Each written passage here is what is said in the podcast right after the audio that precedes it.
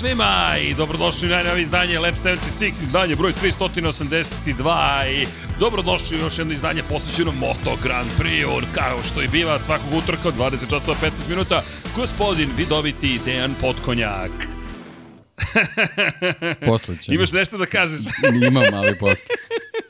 Prvo ali bilo uvod. jače od mene. Prvo uvod, ali znao sam da će neki, neki haos moram da napravim večeras, pa što da ne krenemo Dejana Potkonik, on voli kad ga iznenadim.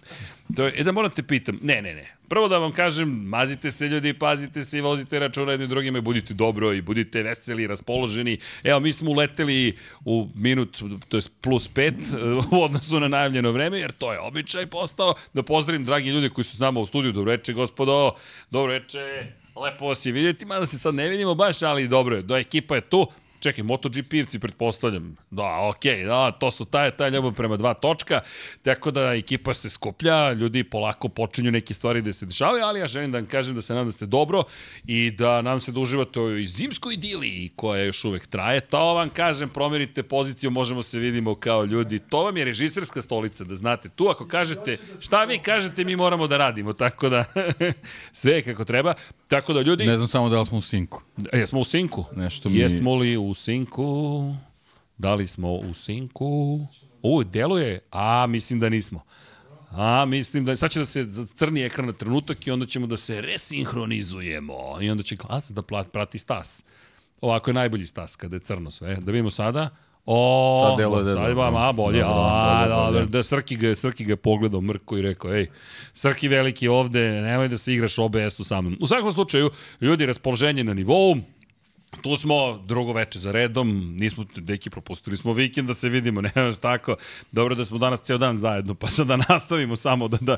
Ali šta je pozitivno? Nismo pričali o motociklizmu i nama najzad ovo dođe kao odmor. Najzad malo da odmorimo od svakodnevnice i da, da, rad, da radimo podcast. U svakom slučaju, uh, Tu smo ljudi, vreme je za dvotočkaše, nadam se kažem da uživate još uvek ovim nekom prazničnom veselju i raspoloženju ukoliko još uvek traje. Kome, koji učini je bio sa nama, čestitam još jednom sreću novu godinu sa ima koji slave po julijanskom kalendaru i želim vam da vam po, kako god da slavite godina bude lepa i vesela. Sledeća kineska nova godina 10. februara pa ćemo i to da obeležimo kako doliko je.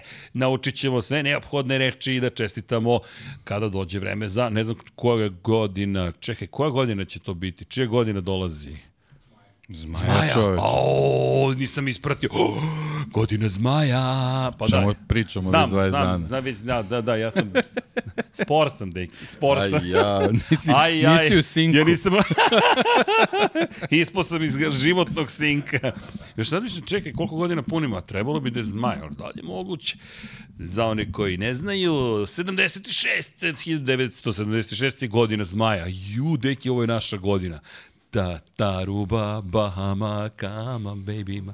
U svakom slučaju nećemo previše pevati. Stvari pevaćemo ljudi. Zašto? Zato što je raspoloženje na nivou. A zašto je na nivou? Zato što je počelo odbrojavanje. Ali pre nego što krenemo da odbrojamo, molim vas, kliknite like, share i subscribe. Share manje više, ali like možete da podelite sa svojim prijateljicama i prijateljima. Subscribe, bilo bi super, tako nas podržavate dodatno. Patreon.com kroz Infinity Lighthouse ili dugme join na YouTube-u, a i možete kao Ako se ne varam, kesa naranđasta mi govori da neko šopingovo. To imamo ovde. Shopping je u modi, ljudi. Ko voli auto, moto, sport, knjige, majice, ne znam šta je sve, može da se kupi u prodavnici, svega ima, ako je na stanju. A proverite da li na stanju posle novogodišnjih praznika stižu nove stvari, tako da znate. U svakom slučaju, Deki, jesi ti meni dobro? Odlično. Odlično, dobro. Da kad dođe pravi trenutak ti ćeš reći šta imaš da kažeš. Ja sam svoj uvod napravio i sad, uvod. sad sam miran. Ne. E, okej. Okay. E, okej. Okay. Jel mogu sad da Pre kažem? Pre nego što krenemo. Imaš nešto da kažeš? Imam nešto da kažem. ja moram da se izvinim Joseu Mourinju. Ljudi, stvarno, uopšte mi nije bila namera, ali nekako se potrefilo. Mnogo mi je žao čoveka. Mislim, generalno nisam njegov fan, ovaj, kad je, kad je futbol u pitanju i, i njegov način ovaj, menadžerisanja ekipama, ali generalno ima, ima neke stavove koji mi se sviđaju, ali stvarno ovo što se sinoć desilo je bilo zaista slučajno. Ovaj, izvinjavam se još jednom pre svega Joseu, izvinjavam se navijačima Rome ako slučajno im to nije ovaj, odgovaralo. Idemo dalje. Um, Bogu da, da samo zamolim za dodatno pojašnjenje za oni koji nisu bili sa nama. Gospodin Dejan Potkonjak je sinoć pravio neka poređenja. Šta si tačno rekao? Jel se Pa, sećaš? Pa ne, pričali smo o otkazima ovaj, šefova ekipa i ja sam ih uporedio sa futbalskim trenerima i rekao da je logično da kad timu ne ide da se menja trener, ali nisam rekao trener, nego sam rekao Jose Mourinho. da. Čisto da znate, sinoć najavljen otkaz za danas. Tako da, ko ne prati Lab 76 mnogo propušta. Kao što Paja vam kaže da će Honda da izađe iz Formule 1, kao što vam Deki kaže da će Jose Mourinho dobije otkaz. E, tako da znate, ukoliko želite da znate šta vas čeka u budućnosti, zato pretpostavljam da ste sa nama. Iako i Deki i Paja preziru da pričaju o budućnosti i stalno govore, ne, ne, ja neću ništa da najavljam, ne, ne, ja neću ništa da prognoziram kako progovore, to se desi. Ne, jutro spalim telefon, samo stižu neke poruke. Šta se dešava? Nisam odmah povezao. Jesi video komentare na jučerašnju emisiju? Ja vidim da je, vezani su za, za svi su taj za Mourinho, nemili, vidi. nemili ne, ne, događaj. Apsolutno su svi, kaže, sve kaže ovako. Uh, dakle, eto, Mourinho je dobio otkaz minut, pošto sam čuo Deke koji to govori kako će se desiti. Dakle, kraj. kaže, uh, gde mi još, bilo još, kaže, 1.18.34, Deki kao prorok otkaza Mourinha. Čisto da znaš i onda imaš još, još, još, još. Kako god pogledaš, Deki je učinio svoje. Reci nam, Deki, ko sve titulu? Znaš, sada. Ali ne, to ćete uh. saznati. To ćete saznati kada budemo najavljivali sezonu jednog lepog dana. Sad najavljamo pred sezonu. Zašto? Zato što Deki imamo če... Crki, ja moram nešto da ti kažem. Ja razumem da ti želiš da, da, da 100 bude prav, ali ova fotografija deluje kao da smo na brodu koji se ozbiljno zaljuljao, pošto je Sony zapravo kriv, čisto da znaš. I ako pogledaš, Mig Duan je krenuo da pada, samo što nikad neće pasti. Jel ga vidiš? Bez brige, ne ti se uzbuđati, ja gledam, rekao, pašće Mig Duan iza mene, neće pasti Mig Duan, ali dobro. Kako god pogledaj, e, daj onaj kadar što si napravio. Ovo vam se zove kadar kada se zaigrate. Dakle, i rekao, namerno sam ga zakrivio. Zapravo si hteo da ispraviš Duana. to je bila poenta. Ali dobro, raspoloženje je na nivou. Ljudi, stiže nam predsezona. Inače, pogledao sam, deki, nemamo naslov u kojem imamo odbrojavanje. Da znaš, Eto. za četiri godine nismo zlopotrebili odbrojavanje u naslovu, tako da počinje odbrojavanje, a kad će da odbroji, pa odbrojaće zapravo 10. marta, zapravo 9. marta kada bude prvi sprint, možemo reći već 8. kada budu prvi treninzi za Moto Grand Prix, Ljudi, u suštini, sezona, sezona je počela, zapravo počela onog dana kada je Luka Marini dao intervju za Repsol Honda, to si ti rekao, kradim tvoju izjavu, jer šta je Luka Marini uradio prethodnog vikenda u trci koje smo radili 100 km dei kampioni, Luka Marini pobedio sve u Hondinim bojama, blago kontrolisanim, Namešten. rekao bih. Ali, da, inače, gde si vidio Crash danas? Uh, Valentino Rossi kaže da će Honda biti jaka. Ja rekao, ček da vidimo ovu izjavu. A Rosijeva izjava glasi, svi vozači Akademije VR46 će imati dobre motocikle. Samim tim Honda će biti jaka. to, to ste oni zaključki, zaključci izveden, izveden zaključak. Ljudi, nije rekao to Valentina Rossi ako ste pročitali, ali mnogo toga se desilo tokom ovih par dana. Eto, samo spomenjamo, prošle nedelje pričali o toj trci Luka Marini, na kraju bio ponovo najbrži, bio je prošle godine. Pa dobro, da, revijalno. Jeste revijalna trka, njima svima dobro dođe kao trening, uh, akademiji, to je stranču da malo možda popuni budžet sponzorski, da malo budu ovaj, u centru pažnje u danima kad jednostavno nema, nema mnogo slika sa, sa motociklističkih do, dešavanja, događaja i generalno, eto, revijalno, zanimljivo, zašto da ne. Pa, kada smo pričali prošle nedelje, rekli smo da, da jeste revija u pitanju, ali, izvinjam se, ali kada je reč o, o nekako događajima, lepo je vidjeti sve te ljude okupljene na jednom mestu, Jeste. lepo je vidjeti Valentina Rosija kako je ranč pobedit će Rana č, č, č, č, č, definitivno, je pretvorio u mesto, u pravo igralište za odrasle, ali ima tu još par stvari koje su, koje su samo pokazuju koliko je veliko sve to što se događa, a to je zapravo da je Sky Sport Italija otkupila bila prava za trku, nisu prenosili uživo. Mi smo pokušali da dođemo do snimaka, ali Sky Sport je to uzeo za sebe. Tako da znate zašto nije moglo baš da se tako lako gleda, mada ja cenim da će sledeće godine biti još veće interesovanje. Tako da eto, ispratit ćemo. U svakom slučaju, Ranč pružio zabavu, Luka Marini zabeležio prvu pobedu ove sezone, neki je i namešten, ne kažem da jeste, Luka sjajno vozi, ali je bilo simpatično iz te perspektive što Repsolov vozač, Repsol Honda odjednom otvorena su širom vrata VR46 Akademije, ko ima novog člana? E, to je mnogo bitno. Deki, od koje godine beše nismo, baš smo pričali, zahvaljujući vama, vašim pitanjima, ali VR46 Akademija, čekaj, kada je poslednji put vozač ušao u Akademiju? Dakle, rekli smo, pričali smo o tome da, da bi trebalo neko da se pojavi u celoj priči i pre 5 dana dobijamo informaciju da je Vera 46. Akademija dobila novo dete, bukvalno dete, tako da, pored Mateo Gabarini se inače momak zove, sad ono što mene zanima da li Kristijan Gabarini ima neke veze sa njime. Za one koji ne znaju, Kristijan Gabarini je šef, čiji šef? Pa, Peka Francesca Banjaje. To je čovek koji je bio glavni inženjer i kod Casey Stonera u Hondi i kod Casey Stonera u Ducatiju. Čovjek koji ima četiri titule u Moto Grand Prix sa svojim vozačima, dve sa, sa sa Banjajem, ne sa Becekim, možda neko bude imao sa Becekim, i dve titule sa Casey Stonerom, dakle tri sa Ducatijem, izvinjam se, i jedna sa Hondom, Matija, Mateo Gabarini, dakle je dobio priliku i Alberto Sura je momak koji inače poslednji napustio akademiju i od onda mi nismo dobili ni jednog. Jeste, evo, Mateo je sin Kristijana Gabarinija. Dakle, Gabari... U, čekaj, sad vazite sad ovu vezu. Valentino Rossi je rešio da postane Il Capo di MotoGP. Ljudi, dakle, šef ekipe za koju vozi Francesco Banjaje, koji je član Akademije VR46, je sada dobio priliku da sarađuje sa Rosim, njegov sin je zapravo sada deo te ekipe, pa to je neraskidiva veza, a onda imamo VR46 ekipu u kojoj je sada Vuk stigao je, jel te, Fabio Diđan Antonio, Marko Beceki je već tu, Luka Marini otišao u Hondu, tako da imaju svog člana u Hondi, Šta je sledeće? Čekaj, nekoga u Yamahu da ubace. Rins i Alex Rins i Fabio Quartararo nisu članovi, ali tu smo. Dobro. Kako god pogledate, lepo je bilo vidjeti neko novo lice. Tako da, eto, Mateo Gabarini pratit ćemo kako će se razvijeti dalje situacija, u svakom slučaju na pravo mesto u pravo vreme i kada govorimo o njegovim izima, rekao da je vrlo srećan što je u akademiji i zahvalio se Valentinu Rosu i ljudima koji upravljaju zapravo celom pričom. Inače ima 14 godina i bio je osmi u, da, da kažemo, seriji koja dolazi pre ovih velikih serija. Inače, ono što je zanimljivo, vozio je za Pazini Racing Team, za one koji su, jel te, pratioci Moto Grand Prix malo duže. Gospodin Pazini se, dakle, ponovo pojavljuje u celoj priči.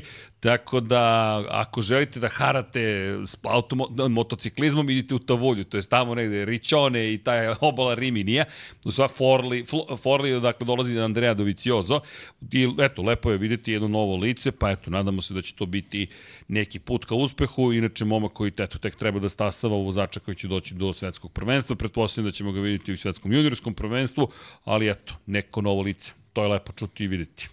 Pa jeste, mislim i generalno je dobro da, da Akademija nastavlja s tim, sa, sa aktivnostima tog, tog tipa, s obzirom da smo u jednom trenutku stvarno pomislili da li je, da li je to možda to, da li, da li više neće, neće biti nekog, nekog razvoja u smislu dovođenja nekih uh, mlađih uh, vozača. Mislim, nije ni ovo sad ne, nešto, kao nije spektakularan broj vozača se pojavio, pa, pa da sad nešto ovaj, to, to deluje ovaj, da, će, da će u nekoj perspektivi i, i duže da traje, eto ja se nadam da ovo samo početak, da ćemo sad ovaj, dobiti neku, neku novu generaciju, da će se u sledećih nekoliko godina formirati ta neka, neka nova ekipa, jer generalno što se tiče prođe italijanskih vozača, mislim ima ih naravno ovaj, sasvim dovoljno u šampionatu, ali generalno nekako kad se nađeš u akademiji Drugače. deluje i da vrediš, a i da možeš da, da računaš da ćeš imati neku, neku neku prođu do nekih stepenica do kojih želiš da dođeš ili si u mogućnosti da, da, da stigneš tamo. Pa ajmo ovako, da li bismo spomenuli Matea Gabarinija danas da nije potpisao za VER 46 akademiju? Da li bismo rekli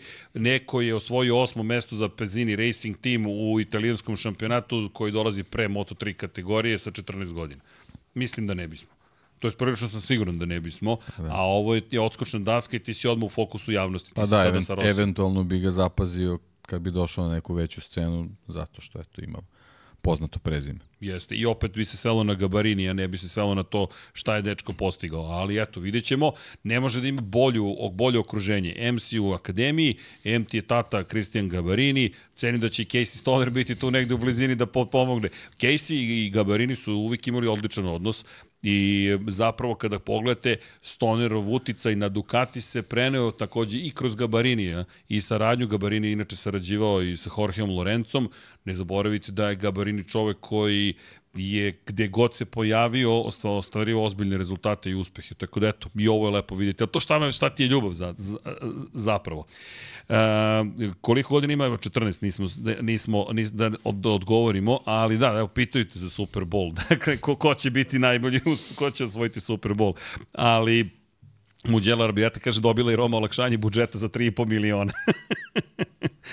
da, svašta se desilo. E, inače, e, kada govorimo o klincima, ovo je dobro pitanje Debanđa koji kaže zašto uglavnom šampioni iz Red Bullovog kupa Novajlija zagarantovano idu u Moto3, a iz italijanskog šampionata ne. Da li nedostaje podrška Italije ili nešto drugo posredi?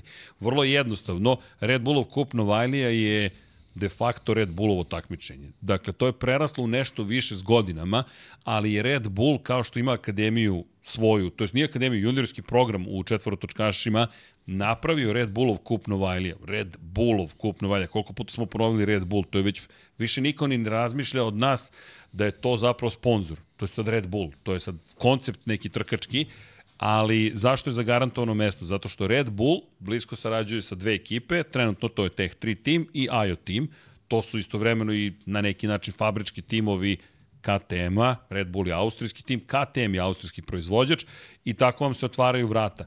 Da li je zagarantovano? Pa nije nužno, ali vi tu, Pedro Acosta je kroz Red Bullov kup Novalija napredovao dalje. Sada dolazi Angel Piqueras, ali Piqueras nije potpisao za Red Bullov tim, potpisao je za Leopard jer je dobio ponudu koju nije želeo da odbije i otišao je u šampionski tim kod Miodraga Kotura, Leopard Racing, tako da ima Angela Pikerasa, pa ćemo da vidimo dalje šta će se zapravo događati u celoj priči. Kada je reč o eto, Novajlijama, zato im je uslovno zagarantovano. Italijanski šampionat nije toliko poštovan koliko je juniorski Grand Prix šampionat poštovan i ukoliko želite uspeh, Red Bull Cup Novajlija i Junior GP, to su vam mesta gde treba da idete, a da li nedostaje podrška Italijanske federacije? Da. VR46 Akademija zapravo vrši ulogu nečega što treba da radi federacija, koja to ne radi ili radi loše i iako su, pa sećam se, evo, nažalost, deki, vraćamo se na, na reči koje je Marko Simoncelli izgovorio 2011 tada je objašnjavao, sećam se, to mi je bio jedan od prvih intervjua tog tipa u životu i pitam Marka zašto nema Italijana. Kaže, zato što svi misle da su Valentino Rossi posle prve pobede. Uglavnom je to nešto što je bio problem. U to vreme Akademija nije postojala. Kako klinac klinka, neka pobedi, neko pobedi, odmah kreće, Novi znaš ti, ko da. sam ja, ja, čekaj, si pobedio si svoju titulu? Nisam. Imam pobedu. To se desilo sa Fenatijem, to se se desilo generalno sa tom generacijom i onda Rossi kada je formirao VR46 akademiju, ideja je bila zapravo da pomogne toj deci da nekako stasaju. Naravno, Mnogi od njih su i otišli iz akademije, nije svima prijela, neki su i odbili da uđu u akademiju, kao, na primjer, Enea Bastianini, koji je sad rekao, pa možda bi mi bilo lakše u životu da sam otišao u akademiju. Prilično sam siguran da bi, ali okej, svako bira svoj put, njegov put je malo drugačiji, ipak je dogurao do fabričke ekipe Ducatija. Tako da nema razloga da da ne bude zadovoljan. A kada pričamo o Ducatiju, moram da napomenem, dotaći ćemo se naravno svega i Mark VDS Racinga koji je Superbike-u predstavio tim i ove priče o Panigale i Peku Banjaj, Ducati koji će ovoga vikenda predstaviti svoj fabrički tim. Prvi će se prezentovati Gresini sada u subotu, Dakle, ako sam dobro zapamtio, Gresinici isto u Ričoneu će se pred... E, ljudi, Ričone, ja ne znam da znate šta je Ričone. To je mesto na obali Riminija. Sad zamislite, na primjer, ajde neko mesto koje turističko neko mesto. Gde god da živite, nađete neko relativno malo turističko mesto. I zamislite da to postaje centar trkačkog svesta. Zašto? Zato što će u Ričoneu svoje motocikle predstaviti Gresini Racing sa braćom Aleksom i Markom Markezom kao i Valentino Rossi, svoju ekipu u kojoj su Marko Beceki i Fabio Di Gianantonio, samo četiri dana kasnije. Dakle, ako hoćete da vidite krem de la krem, idite u Ričone, zato što je to mesto, logično da je jel tako? Kroz to, to ideš u Ričone. To kad bih ja rekao, dobro, Zemun je deo Beograda, šta god pričali Zemunci, pošto sam odrastao u Zemunu, ali da te napiše na poziciji, dođi u Zemun, razumeš, dođi, dođi u kapetaniju, Lučku, tamo ćemo da imamo, zašto? Pa zato što nam se može. Meni je to mnogo simpatično, nije Rim, nije Milano, nije, ne znam, Firenca, ne, dođi u Riccione ako hoćeš da vidiš Rosija koji ima devet titula, Markeza koji ima osam titula i njihovu sad braću, prijatelji i poznanike, jer su svi zajedno tu. Fenomenalno, meni je to fenomenalna priča. Kako, ajmo. Pa dobro, Srki, šta radiš za, za sledeće srede? Na ranču je. Na ranču je, samo kom? Ima posla. e vidiš, ne vidiš ko je ovde glavni. Ima posla ko hoće da radi. Jel hoćeš da radiš? Znaš, ono, tu najgora pitanja. Ali da, fenomenalno. Dobiješ pozivnice za, za, za ekskluzivne događaje. Znaš, Gresini, da li će da osvoji titul, ne, gde idemo u Ričone. Meni to. I mnogo mi je to lepo. To me podsjeća na NASU, kad su jezero izabrali za naziv za krater na, na Marsu. Doko nije pogledao, pogledajte, spuštanje preserviran se rovera na Mars. Mesto koje se nalazi u Bosni i Hercegovini, koje se zove jezero, bukvalno se zove jezero, je dobilo naziv kratera na Marsu koji se sad zove, englezi kada ga izgovaraju amerikanci, Jezero. I piše se J-E-Z-E-R-O. Zašto? Zato što je to antičko jezero na Marsu i njihov program je promocije malih mesta i malih sredina po svetu zato što ona polako odumiru. I onda je NASA rekla, ne, ajmo da po nekom malom mestu nazovemo krater na Marsu. Tako da, Riccione, capital, MotoGP capital of the world, otprilike. Mada, čekam Repsol Honda gde će biti, to još nisam ispratio. Da. Tako da... Nema još mesto pusti Madonu di Campilju, idi u Riccione. Tamo je prava zabava. Kako god, dobre. Inače, kada će Aprilija prezentacija? Evo, proverit ćemo uh, još jednom datume. Moram priznati, svaki put zaboravim i svaki put isto proveravam kada su datumi, kada su datumi. Čekajte samo da nađem gde je Aprilija. Aprilija je 18. februara i to će biti zapravo u Kataru kada bude početak testa. April je štedi budžet, ne, nema specijalnih događaja. I evo da ponovimo, šta? Da li su japanski proizvođači pravili promociju u Japanu? Pa ja mislim da ih je bilo, ali se neće sada tačno kada, se to, kada je to poslednji put bilo. Ali, a, iskreno ne znam. Inače, u, sada u subotu 20. dakle, Gresini kreće prvi, sledeće nedelje imat ćemo fotke, dakle, braća Marquez u novim bojama. I To je prva prezentacija, zatim Peko Banja i Nea Bastianini, sada već to postaje tradicija Madonna di Campillo u ponedljak 22. januara će pre, predstaviti motocikle. U sredu 24. januara Marko Beceki, Fabio Di Antonio, Pertamina Enduro VR46 tim, zatim 26. januara Los Angeles Trackhouse Racing, Pedro Acosta kažu da je, a pazi šta je Moto Grand Prix kako se opšta, Pedro Acosta je taj koji će predstaviti gas, gas. Nigde spomena da postoji Augusto Fernandez u celoj priči. U tekstu Augusto ko? Ko Fernandez, dakle, nevjerovatno. Pedro Costa je već uzeo tu ekipu, nije još odvezao kilometar trke u Moto Grand Prix. 29. januar će biti da je datum, zatim, da vidimo, da vidimo gde su, da, tokom shakedown testa u Sepangu, Fabio Quartararo i Alex Rins skidaju, jel te, sve sa M jedinice, pa da vidimo kako će biti ta M jedinica. To je 4. E, februar, 12. februar KTM-ovci, Brad Binder i Jack Miller. Zatim, dan kasnije, 13. februara, Luka Marini i Joan Mir za Repsol Honda i onda 15. februara dolazi Lučiće Kinelo Racing pre nego što se sve završi sa Aprilijom u i Maverickom Viljanom i Alešom Espargarom 18. februara i Prima Pramak Racingom koji će prezentovati sve 28. februara ili ti 9 dana pre početka sezone. Dobro, Biće to vrlo zanimljivo. Nadam se da neće tad dobiti nove motocikle. Vezano za pramak. Da, da. ne znam da, zašto toliko ne, čekaju. Ne, ne, nemam pojma. Stvarno ne znam za tu prezentaciju, zašto čekaju 28. februar. Možda žele najveći efekat neki, ne, ne znam. Ali to je, znaš šta je tu problem? To je dan pre početka sezone Formula 1. Nemaš baš neki bang for the buck, što da. kažu. Pri tom već ako je Prima Pramak, jasno je da je sponsor taj koji je bio. Prima. Za ove neke inicijalne koje si naveo prve, osim Ducatija, realno, fabričke ekipe. On, mislim, ne znam šta tu možemo spektakularno da očekujemo ovaj, u, u nekim promenama za bilo kakve uh, angažmane od ljudi koji su koji se eksponiraju tu svi ovi ostali u, u prve 3-4 prezentacije biće jako zanimljivo da se vidi, to smo već pričali, recimo eto konkretno Gresini, da vidimo kakvim će bojama biti i, i da li je zaista ta magija Marka Markeza nešto učinila da se tu ovaj, pojave neki novi ozbiljni sponzori. Na tom motociklu za VR46 je zanimljivo da vidimo Pertamina u kom obimu će biti na motociklu takođe, tako da eto, to, to su neke stvari koje koje ovaj, ono, mogu, mogu da, da, da privuku pažnju, osim eto, te, tih samih nekih vozačkih postava, ovaj, da, da, da vidimo kako će to sve da izgleda. E, kada je reč o sponsorima, moje mišljenje da će Red Bull biti primećen. Pokuša si da potpišeš Deki, a? Pokuša, kasno, momče, kasno. Deki ima jednu rečenicu. I tu je kraj. da znaš. Ali... Jedno od dugačko. well, well. E, kada je reč o sponsorima, Red Bull, to je već negde priča koju smo već pričali nekoliko puta, ali delo je zaista da Red Bull stiže u, u redove Gresinija jače nego što je do sada bio zastupljen.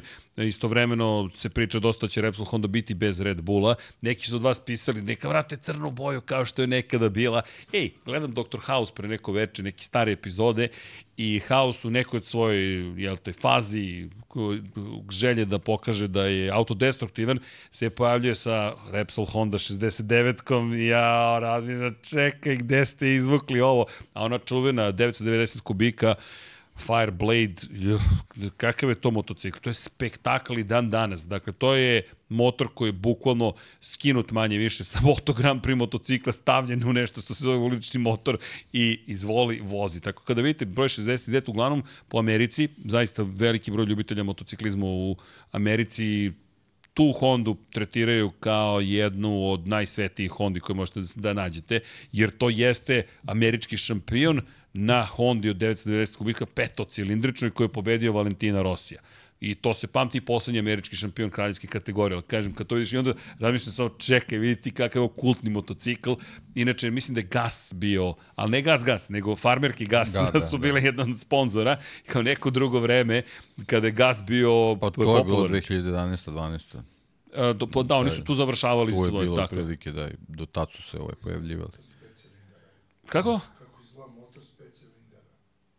Kako izgleda motor s pet cilindara? E, izgleda tako, izgleda nezaustavljivo. Inače, to je motor koji je imao zapravo sve identične cilindre i balansiranje je bilo vrlo interesantno, naravno koristili su vratila koja, koja se koriste za balansiranje motora, ali to ono što je zanimljivo, taj koncept V5 motora nije viđen od tada nigde, a to je bio motor koji imao snagu i obrtni moment i pri niskim brojevima obrtaja, srednjim brojevima obrtaja, visokim brojevima obrtaja i da je, da je Rossi ostao u Hondi sa tim motorom, niko ne bi usvojao, mislim, titulu tokom tog perioda, ne bi bilo ni diskusije, jer to i Alex Briggs rekao u knjizi da je da su se zapravo mučili na Yamahi. Tu su morali da rade da osvoje titulu. Kaže u Hondi je to bilo ljudi lagano.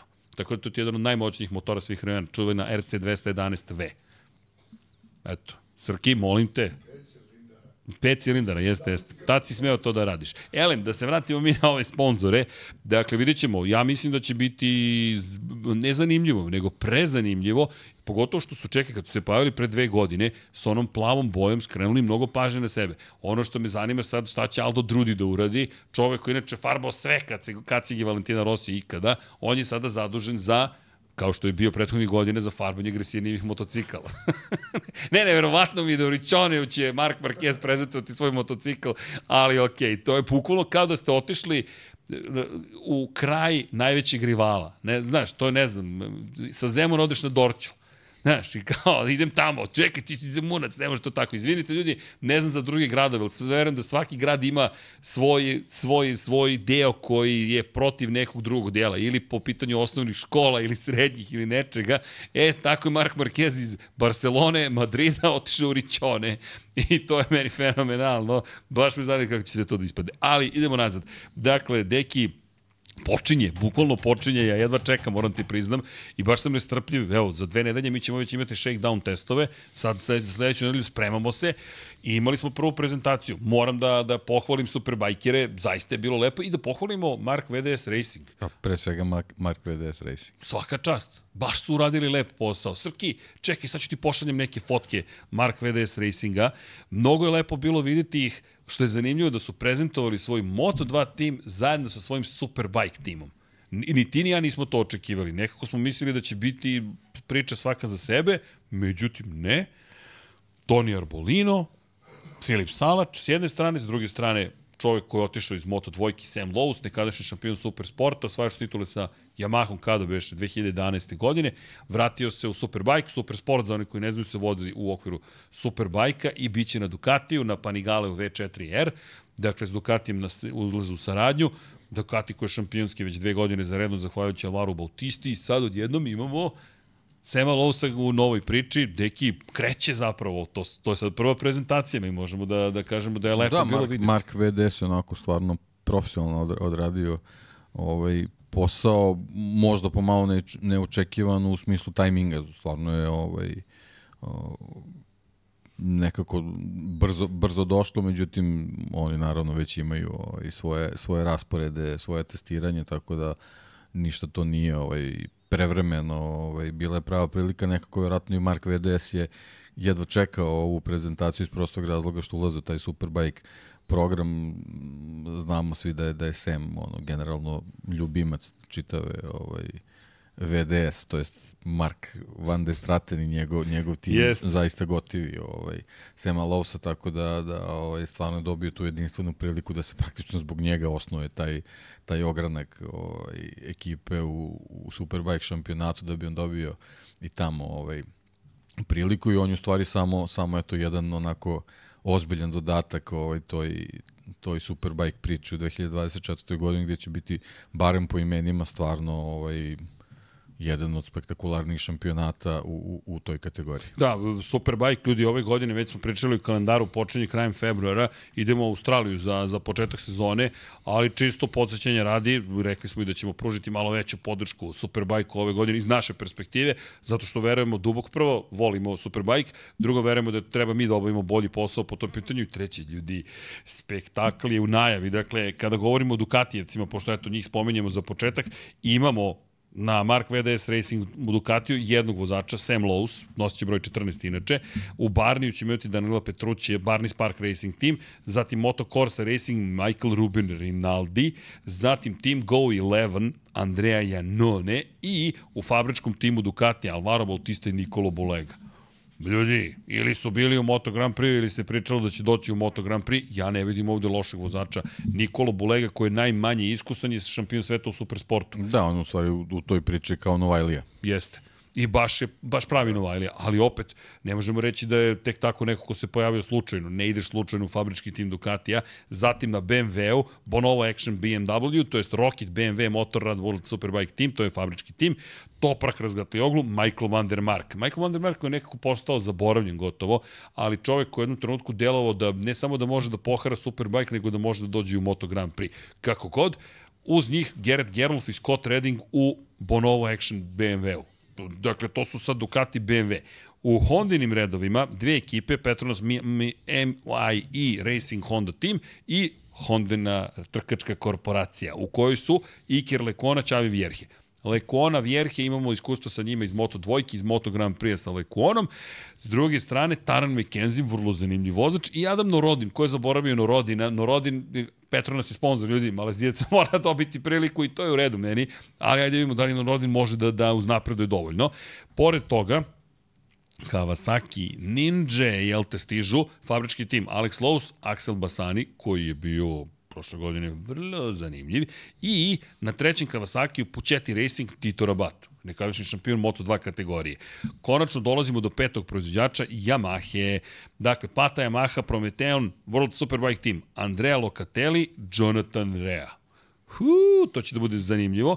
I GYTR, GRT, Yamaha, World Superbike Team, Dominik Egerter, Remy Gardner. Dakle, dvostruki šampion Moto E i Moto 2 kategorije i sup, e, ne, no, Moto 2, izvinite, Super Sport kategorije Dominik Egerter, koji je najzad dobio priliku sa velikim momcima da sedne na motociklu i mislim da će biti dobar. Čuveni GMT 94 Yamaha tim, Filip Etl, dakle Etl koji se vraća u priču I uz sve to imate na Yamaha, na, na Yamahi Moto X Racing World Superbike timu Bradleya Reja, koji od svih ispade najmanja zvezda zapravo. Ko je Bradley Ray? Svi ostali su prošli kroz školu zapravo, osim Tarana McKenzija, koja se zove Moto2, Moto3, Moto Grand Prix ili Moto E ili sve od toga, izuzimam Johnny Areu, očigledno kao čoveka i topak razgati ogla, koji su ovde stasali, čak i Gerlof imao šansu da vozi u Moto Grand Prix kao zamene za... Ne zamene, on je čak vozio u, zajedno sa Rosijem jednu trka čovena priča da je jedini čovjek koga Rossi nikad nije pobedio, Gerrit Gerlof. Zašto? Zato što u toj jednoj trci u kojoj su vozili zajedno na stazi,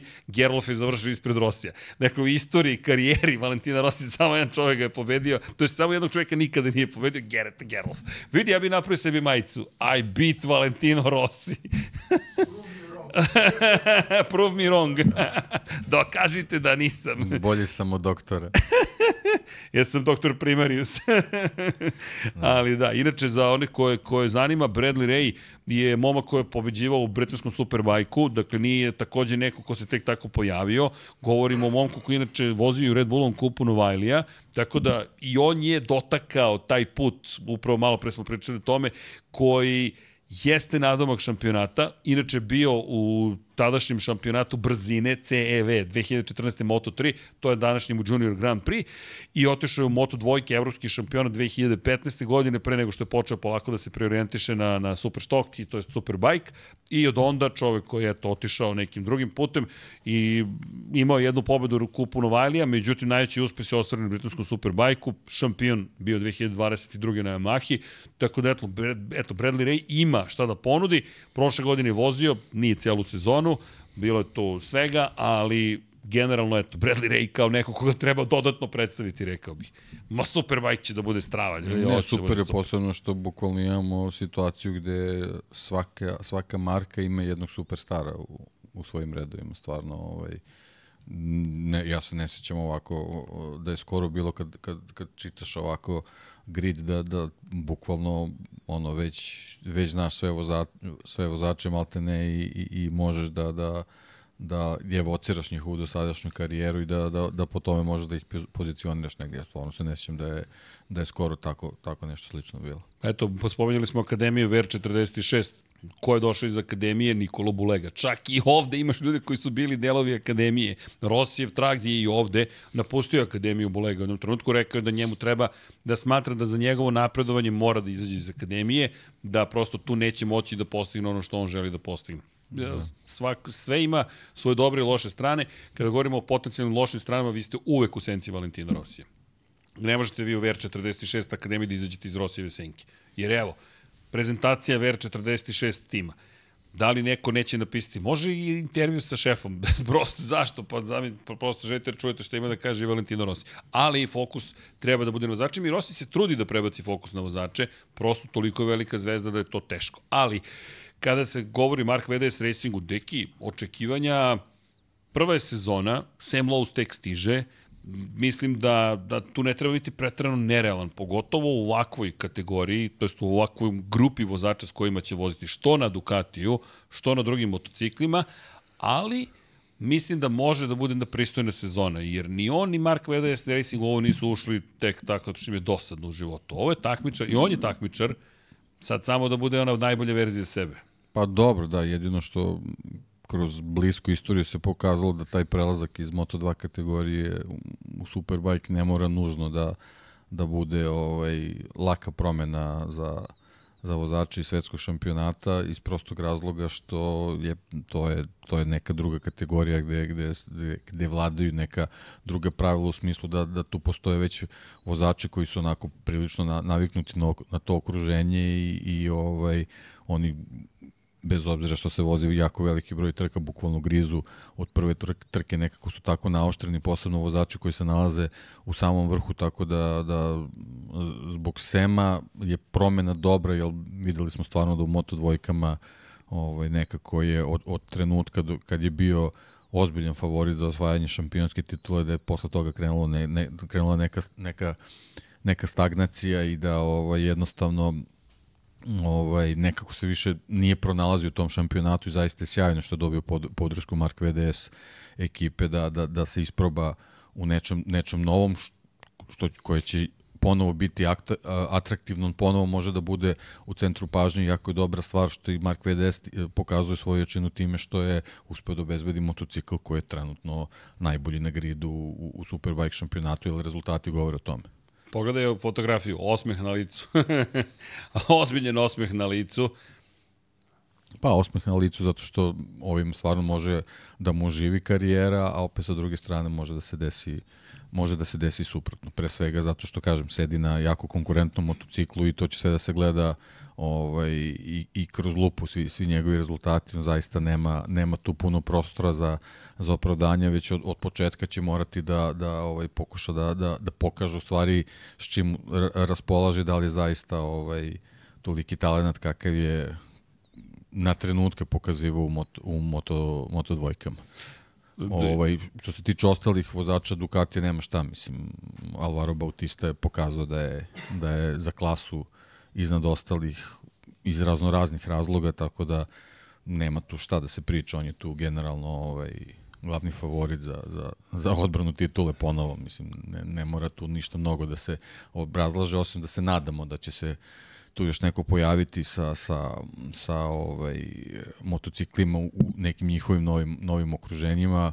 Bulega tu dolazi kao Novajlija, mislim, jednostavno on, on će imati rasterećenje što se tiče ove, ove sezone, nema tu šta od njega neko spektakularno uh, očekivanje da, da, da nema tu neki spektakularnih očekivanja što se njega tiče, a svaki dobar rezultat će naravno biti apsolutno pozdravljen i svaki dobar rezultat će voditi ka tome da se u sledećoj trci očekuje više od njega, tako da to je, to je ta neka, neka lančana reakcija koja je potpuno prirodna i normalna, posebno kad u takve šampionate dolaziš već kao šampion nekih, nekih drugih kategorija, ali kažem, mislim, on ima, ima pravo na, na adaptaciju, tako da vidjet ćemo kako će on to sve da izgura, a opet što se tiče sa te neke atraktivnosti koju Ducati donosi ove, ove sezone, osim Lousa tu su naravno Danilo Petrući u Barnis Parku, izuzetno iskusan takmičar, pobjednik Moto Grand Prix trka i od njega se naravno očekuje da i, i u Superbajku pokaže ovaj ako ne ovaj to možda čak i, i, i nešto više pre svega zato što je on na, na, na pobedničkom uh, ovaj, motociklu i naravno Andreja Janone. Ne, nema tu šta mnogo da, da se priča, on može da bude iznenađenje sezone, čovek koji četiri godine je bio van, van svim takmičenja, ali ovaj, mislim da je ako, ako neko ima želju da pokaže uh, ovaj, koliko zaista vredi, kako je nepravedno to sve što se desilo, to je Andreja Janoni. Inače, par stvari, da se samo na trenutak dotaknem e, prezentacija i timova, pošto smo spomenuli sve datume za Moto Grand Prix. BMW sutra u Berlinu kaže započinje nova era. To je njihov potpis, nova era počinje i Hajde da vidimo, zaista počinje nova era sa Toprak Kruzgartli oglom, kao što smo rekli, oni idu all in, dakle ovo je ta sezona kada mora nešto da se desi pozitivno. Inače, prezentacija ja mislim da će biti vrlo ozbiljna. Ono što me zanima, da li mogu da pariraju baš Mark Vades Racing jer vidi, jesu Novajli možda super bajku, ali ova prezentacija je bila ozbiljna. Šalim se, BMW mora da ne da parira, nego da daleko prevaziđe ovo što radi Mark Vades. Međutim, sajt je profesionalno, medijska galerija je urađena, sve je updateovano. Deluje mi da je Van der Straten, Mark Van der Straten rešio da baš budu ozbiljni i Sam Lowe's je rekao, za njega cilj za ovu sezonu je mora da bude vozač broj 1 nezavisnog ekipe. Dakle, nezavisni vozač takozvani, to je njegov cilj. Rekao, je prosto to mora da bude naša meta. S obzirom na iskustvo, na investiciju, na sve što se dešavalo, nosit će broj 14, što je broj Toni Arbolina, inače 22 tradicionalno je nosio Sam Lowe's, međutim, eto, ove godine na broju 14 će se, sa brojem 14 će se pojaviti u šampionatu. Alex Lowe's, inače njegov rođeni brat, koristi 22-ku Superbajku, tako da je bio zauzet broj. Ne znam ko je stariji Sam ili Alex, koliko minuta, pošto su braća blizanci, da li mogu da odi da kaže, ej, čekaj, daj mi broj. Gleda se ko je stariji u šampionatu. tako je, tako je. Tako da mu je objašnjeno, ver, vidi, ovaj broj je zauzet, ali lepo što imaju vojce 2-2, i što će nositi 14 jer to je isti broj koji nosi Toni Arbolina. Međutim, kada sam kod brojeva, samo da napomenem, dakle, odmah posle BMW-a, prezentacija 5 dana kasnije, Madonna di Campillo, ponedeljak, 22. januar, zajedno sa fabričkim timom Ducatija, MotoGP će prezentovati i novi motocikl, juri se treća uzastopna titula i s jedne i sa druge strane. Ljudi, preozbiljne istorije to i za Peka Banjaju i naravno za Alvara Bautistu. S druge strane, kada je reč o, o Yamahi, Yamaha bi trebalo da se predstavi 28. januara, tako da to čekamo da vidimo i taj čuveni broj 65 sada na Yamahi, ne na Kawasakiju. Naravno, Johnny Rea je u pitanju. Kada je reč o Kawasakiju, 8. februara će njihov motocikl biti prezentovan, tako da će to biti vrlo zanimljivo, ali eto, prvi nezavisni tim, lepo je to izveo. Inače, prvi tim koji je prezentovao je zapravo bio Moto X Racing Team 12. januara i Bradley Ray je bio taj koji je zapravo prezentovao motocikl. Kada je reč o tom najnovijim, to se desilo, dakle, sad, bukvalno pre, pre dan, kada je Mark VDS Racing izašao na, na izašao na Megdan ostalima i samo da napomenem, dakle GMT 94 31. januara, ono što mene zanima, moram reći, jeste da vidim dva tima, a to je tim Go 11 Andreja Janone, priznajem, i Remy Gardner, Dominik Jägerter 5 februara. Ne pocenjujemo ostale, ali prosto mi je to mnogo zanimljivo da vidimo Andreja Janone posle toliki godina šta će da urati. Super počinje, polako ali sigurno. Deki, koliko tačno dana imamo mi do početka sezone? Danas je utorak. Dakle, osmo, dama, čekaj, čekaj, sad da izra... Ajmo, da ajmo matematičari, danas nam je 16. Koliko nedelja imamo od tamo? Ne mogu. Umorim Kad je prva trka? 10. februara. 10. marta, izvinjam se. Dakle, jedna, dve, tri nedelje, 4, 5, 6, 7... Pa 40 dana. 7 nedelja i 3 dana, dakle 7 puta 7, 49 i 3, 52. 50, 52. 52, još 52 dana i kreće sezoma. Kreće već sa, sa ovim prezentacijama. Ali dobro, to je Moto Grand Prix, naravno. Dobro, 50 dana, stvarno je odbrojavanje počelo uveliko jedva čekam, jedva čekam da vidim sad u, u subotu šta će da se desi. No, znamo šta će da se još dešava, ono što je odjeknulo, makar nama je bila zanimljiva vest, kada već pričamo o Superbajku, samo da ubacimo u celu ovu priču, još jednu stvar, a to je zapravo da ovo što smo i napisali, da će Francesco Peko Banja i Mark Marquez biti zajedno na stazi, Dakle, plan je trenutno da se pojave zajedno na testu u Portimao vozači Superbajka i Moto Grand Prix-a samo da se razumemo kako će, nije to test, što kaže Deki, to je trening, Srki, nije to test, ali kakav je trening, imaju pravo Moto Grand Prix vozači da sednu na superbajkove i da ih voze. Prosto imaju pravo, to nisu Moto Grand Prix a obrnuto, pa imaju pravo, ali neće dobiti šansu da pita se... Malo je skupo. Malo je skupo, da, da, da. Taj film teže se prikazuje. ja mogu tvoj Ferrari, ja mogu ja tvoj Ferrari, ne, ali ja mogu tvoj, ne, ne, ne, u neki tvoj sportski automobil. Da se sad tu zaustavim. Ali dobri Ferrari sportski automobil, kako god. Dobro, viš, Max je vozio Ferrari sportski automobil. Šta Max tako. nije vozio, da, da. Može i tako. Ali da li će Ferrari vozačima onda da svoj Red Bull, to je sad malo teža situacija. Nego, uh, bit će uh, u Portimao i živo me zanima kako će sve to da izgleda, s obzirom činjenica da će Ducati to organizovati privatni test, pa ho, ho, ho, ho da svi zajedno na stazi. I mora sam to da izdvojim. Ti ja smo pričali kao, čekaj, vidi šta se događa, ovo će da bude vrlo zanimljivo. Inače, e, to je GP Vanje izvestio o tome. Trebalo bi, dakle, svi da budu na V4R Panigale ima. I ono što jeste tu zanimljivo jeste da svi fabrički vozači su svetskog šampionata u Superbajku će voziti, a drugi test će biti uh, 10 vozača koji će opet biti na stazi, međutim među njima navodno će biti i ekipa, to jest jel te ovaj dvojac iz Moto Grand Prix-a, samo potvrda koliko jedni drugi pristupaju ozbiljno. Ovo me, inače i Jorge Martin, i Nea Bastianini, i Marko Beceki, Fabio Di Antonio, i Alex Marquez i Franco Morbidelli će takođe biti. Zamisli taj test, to je taj trening u Portimao, kako će to da bude. Tako da znate, inače organizuje taj dvodnevni test aruba.it Ducati tim, to je fabrički tim Ducatija u svetskom šampionatu u Superbajku. Inače, ne znači da je zabranjeno ostalim vozačima Superbajka da učestvuju, ali eto da znate ko je organizator celoga testa. Predsezonski test, baš nije ti predsezonski, predsezonski trening, lepo si ti to rekao. Uf. Inače, to će se dešavati u januaru, pre nego što se spakuju i jodu u Sepang. Deki, ja se ne sjećam da je sezona ikada ovako počela. Sa svih strana samo gruvaju informacije, treninzi, testovi. Pa seća se prošle godine kako smo pričali u pauzi da nema... Nemamo šta da pričamo. Da nema nikakvih vesti, da bi trebali da malo nauče od drugih šampionata kako se to radi, na su rekli, jel tako? E, sad ćete vidjeti. E, se vas dvojica bunite? E, Ali nešto... mislim, mislim da je to pre svega ovaj, rezultat ovih promena i ovih velikih imena koji su napravili što rokade, što, što neke, neke možda i neočekivani drugačije angažmane, tako da bukvalno te, te vesti su u stvari nametnule uh, sva, sva ta dešavanja i nekako to je bila lančana reakcija, tako da zbog toga je ovaj, sve, sve, sve je zanimljivije upravo iz tih razloga što imamo ta, ta, ta velika imena koja uh, koja nisu, nisu dugo vremena menjala sredine i, i to se sve nekako desilo u istom trenutku. Slušaj ovo, Corriere della Sera, Nadija Padovani, koja počinje priču, vratit ću se na priču tu, pošto je to dodatak jelima, o tome da je, priča koju smo već više puta čuli, da je Postoje ogroman strah u fabrici Ducati da dolazak takvog šampiona poput Marka Markeza može da stvori nepotrebnu tenziju i frikciju. Baš čudno da se tako nešto očekuje. Međutim, Nadija Padovani koja kaže mislim da treba da budu ponosni i da, i da će biti ponosni što imaju takvog šampiona u svojim redovima.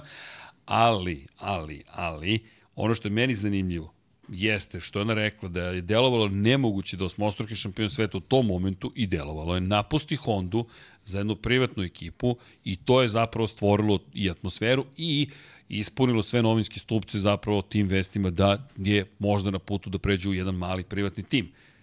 Inače, njoj je i dan danas šok što je na njenom motociklu Mark Marquez rekla čak i kad sam ga prvi put videla na motociklu u Valenciji, sam rekla, ok, dakle, istina je, vozi za nas. Čak mi ni dan danas nije baš najjasnije, ali ono što mi je najveći šok jeste bio, kaže, nikada ne bismo stupili u kontakt sa Markom Markezom. Nas je kontaktirao njegov menadžer, iako su imali ugovor sa Hondom za 2024. Dakle, Alex Marquez je u tom trenutku već u Gresiniju, postoje veze, ali nije Gresini, nije Nadija Postoje otišla. su informacije. Da, ali nije ona otišla kod njega i rekla da li bi ti vozio za nas. Njoj pa, nije palo na pamet. Apsolutno, naravno. to je te tipa, naravno. ne znam koji si tim naravno. košarkaški, kao može pa ne, Jordana. Pričali smo tokom ne sezone Jordan, kad su se pojavile te neke, neke mogućnosti da se to desi, to je prosto bila stvar nekog jednostavnog skenera Marka Markeza, ako je u određenom trenutku poželao da sede na Ducati, koji bi to Ducati mogao da bude? Jednostavno, sistem eliminacije pokazao da, da je Gresini verovatno najbolja opcija iz prostog razloga što, što je u, u, u, u prethodnim sezonama Nadija Padovani i njena ekipa da su pokazali da stvarno mogu da budu ozbiljna podrška svakom vozaču i da, i da, da ovaj, bez obzira što voze godine dana stare motocikle, da svaki vozač koji je na njemu zbog podrške ekipe može da računa na, na pobedi. To je ono što je verovatno Markezu primarno bilo u tom trenutku da, da, da pokuša da sedne na Ducati da bi uopšte shvatio da li da li ima priliku za neku, neku novu budućnost, da li na Ducatiju ili na nekom drugom motociklu, ali jednostavno moralo dođe do toga da se pojavi ta sezona gde će on moći da, da, da testira i svoje mogućnosti i, i, mogućnosti određenih motocikala. Naravno, bilo je apsolutno jasno da fabrička ekipa Ducatija ne dolazi u obzir, da ne dolazi u obzir VR46 iz, iz raznoraznih uh, razloga. Pramak je popunjen, tako da jednostavno to je, to je bila neka, neka mogućnost da, da sedne na Ducati i pre svega zato što je Alex već bio tamo, tako da on to već dobio neke, neke informacije što o motociklu, što o samoj ekipi, tako da meni je to bilo nekako, kad se desilo, najočekivanije i naj, najprirodnije da, da se on nađe u Gresini ali mi i dalje fascinantna cela priča sada iz ove perspektive, pogotovo kada dobijemo nove informacije. Dakle, Mark Marquez koji svesno odlazi da kaže ja hoću da vozim taj motocikl, ja hoću da budem u toj ekipi i ne obrnuto. Dakle, vrlo jasan potez, ovo više ne ide, mora da se ide dalje. Bukvalno je to njegov potez. Ja hoću da vozim taj motocikl, a ne da Nadija Padvani dođe da bude menadžer Repsol Honda. to si mislio, ne obrnuto. Okay. da, okej, okay, hvala. da, inače rekli da ono što je zanimljivo u tom intervjuu, da je bilo mnogo prepreka, pretpostavljam, verujem, i da je svojim roditeljima rekla, hajde da budemo strpljivi, pazi, sad ona žena koja se potpuno, meni je fenomenalno što ona takva kakva jeste, od uvijek i bila, sad je samo u centru pažnje, i rekla je, hajde da sačekamo, i kaže, duboko sam verovala da će se e, želela sam da dođe, nadala se da će se planete poklopiti i duboko sam verovala do samog kraja da će se desiti i desilo se. I eto, Gresini, verujte, najveća gužba će biti za Kresini kada bude predstavlja svoj motocikl. Možemo da se lažemo, ali to će biti najveće interesovanje. I sva Pričali pitanja smo su... opet u prvom kadru. Da, prvi na kadar. prenosu. Na prenosu. Inače, prvi komentar večeras, koliko me nervira što je Mark Marquez potpisao za Ducati, to sam primetio kad smo zakazali, bukvalno. Ne znam čiji je komentar bio, izvinite, ne pratim toliko čet trenutno, ali je bio, da, Pavle, kako mi ide na živce što je Marquez došao u Ducati? tak, pozdrav. Dakle, uh, ne znam da li neće baš imati konkurenciju, vidjet ćemo, ali ono što je činjenica jeste da eto se, se sve to nekako dešava na, na, jedan čudan način, drugačiji način nego što iko očekivao. Nas zabavlja da što je i Superbike promešao svoje karte, pa odjednom sad nije samo fokus na Moto Grand Prix, već i na Superbajku, da Rea posle svih godina ode iz Kawasaki to u Yamahu koja se muči. S druge strane, Devo ovde sad mahuje glavom, odma... ali čini mi se da neki Johnny navijači zelena boja, to sam teo da kažem. dakle, Kawasaki i to je to. Ali Johnny koji je rekao idem neki, neku novu avanturu. Ne, kako ste podneli? Uf, teško. Teška priča, ne, teška. Ali jeste šok. Ja stvarno ne mogu da zamislim Johnny da nije na zelenom motociklu. I kad, kad je, radio, kad je bio na testovima, nekako ovde nešto nije u redu, znaš, nije, nije, nije to taj Johnny Rea. Ali opet to, to isto odjeknulo. To je Monster, sve spakovao da bi imao Yamaha Monster. U, da, vidiš, zanimljivo. da, čekaj, nije, ko će sad njima biti? Hoće njima Monster sada biti Pa sponsor? nisam siguran. Čekaj, čekaj, neki sad si mi bacaš žiške ovde na sve strane. Čekaj. Ljudi zovu Rosiju u Ivanjicu na promociju. Rzovi rodio su Ivanjicu Rosija, pa ta, to ti jeste. I, i, evo, ja sam bio na ekskurziju Ivanjici kad 94. Daj onu fotku od sinoć, eto da vidite u Ivanjici. Inače, pozdrav za našeg dragi prijatelji iz Ivanjice, ko, ko nije sveta digitala, Nebojša Radović, Enijak, čuveni iz Ivanjice. I, ali stvarno zamislite, u svo dužno poštovanje, ali evo, fotka, heavy metal. Kad sam bio, da, to se ne vidi, ovde se kad sam bio beceki, kad sam bio kosu, da, da, razumemo se. Koja godina? Ovo je 1994. Čekaj da nađem neku moju sliku. Ajde, nađi deki 94.. 94. da jesi imao još uvijek. Da, vidiš. Jesam, jesam, jesam. Jesi, dobro, dobro. 97. Ali, da, nekada davno. U svakom slučaju, a zaista zamisli sad, neki najbolji vozač svih vremena se rodi u Ivanjici. I to je prelep mesto, sve je okej. Okay. Ali ko bi očekivao da ćeš nešto da praviš sada, kaže, e, kao glavni Moto Grand Prix tim, evo nas u Ivanjici. Čekaj kako su u Ivanjici, pa ćeš, ne znam, Beograd, Niš, Novi Sad, nešto. Ne, idemo u Ivanjicu. Ali tvoj najveći rival je, šta, ko je rivalski grad Ivanjici? Nemam pojma. Ajde, bude Arilje. Kako? Arilje. O, ok, Arilje. A onda tvoj ortak, veliki rival iz Arilja, potpiše za tvoj tim iz Ivanjice i tu, tu je prezentacija. I ti kažeš, čekaj, šta? Oj, da nam dođe ovde. Ja, znaš ti, ne sam ni da spomenem tu bruku. Znaš, deki, šta sam Mikici Vesniću uradio kad sam bio klinac? 95. godina, jedan od mojih prvih tekstova. I ja pišem izveštaj sa trke. Mikica pobedio. Koji iz Užice, inače. Ne znam koliko znate, odnos između Užice i Čačka je specifičan, recimo. I ja napišem Čačanska munja slavila, ne znam tačno gde. I ode u sportski žurnal kao vest. Nije... Ju, ju, ju, ju, ju, u predruštvenih mreža. Ju, ju, ju, ju, ju. Ulazim u redakciju, sva, sva veseo. Ja, ne, ne, ne, ne, mobilnih, ne. Au, Herceg! Dolazi ovamo, ja kod glavnog odgovora urednika prvi put u životu. Pa kako si mogao da napišeš? Pa znaš koliko poziva od jutro si imamo? Pa ti ne razumeš, zovu nas iz Užica za kako smo mogli ga pošaljemo u Čačak, zovu nas iz Čačka, zašto ste ih poslali iz Užica. Haos je nastao, kompletan haos. Moram Mikici da se izvinim kad ga sretnem sada, 30 godina kasnije, kaže Mikici. E, ove godine će slaviti rođendan. Će slaviti. Pošto je rođen 29. februara. A, ta top. Ništa, taman da odemo sa poklon. Koliko, koliko sad ima, možda ima 12 godina, 13. Otprilike. Od kada je... Pošto svaki četvrte slavi rođendan, ja to tako računam. Da. da. A, super, nisam znao da je rođen 29. februara, sjajno. Da, eto, izvinjavam se za, za, za, za bilo kakav incident koji sam stvorio. Nehotice, uopšte ne znam kako sam ja čoveka prebacio u Čačak, ali dobro. De, možda se zaljubio bio. da, dešava se ljudi. 53 dana čekamo, ne 52. da, doda još jedan dan na čekanje. da, da, da, to je to, da se mora da se doda još dana, hvala. Ali dobro, pokušao sam da izračunam. Kako god, dakle, Ivanjice, Mark Marquez i Peko Banja i svi ostali u Portimao. Nadam se da su Portimao sredili. Inače, i da će to biti najzad malo bezbednija staza nego što je bilo prethodnih godina. Nego da se vratimo samo na trenutak deki na, na, na, na, na zapravo na Moto dvojke, to jest na Mark VDS Racing. Toni Arbolino je dao zanimljivu izjavu iz uh, perspektive toga što je Pirelli postao sada zvanični snabdevač gumama za Moto2 i Moto3 kategorije. Iz njegove perspektive, ako sam ga dobro razumeo, ispravim ukoliko grešim, smatra da će zapravo dinamiku trkanja promeniti ta promena. Mi smo o tome dosta pričali. Moram priznati da sam zbunjen da je ovo prva zvanična izjava nekog vozača da priča o gumama. Deki, gume kad se promene, ti si sve se promenilo. Ja nisam siguran da li će ok, nije Moto Grand Prix kategorija, ali opet se sve menja ti imaš sada potpuno drugi tip guma. Videli smo i na onoj fotografiji Pirelli u Superbike-u, Pirelli sada u Moto dvojkama i Moto trojkama, ali to je, svaka guma ima neke svoje karakteristike.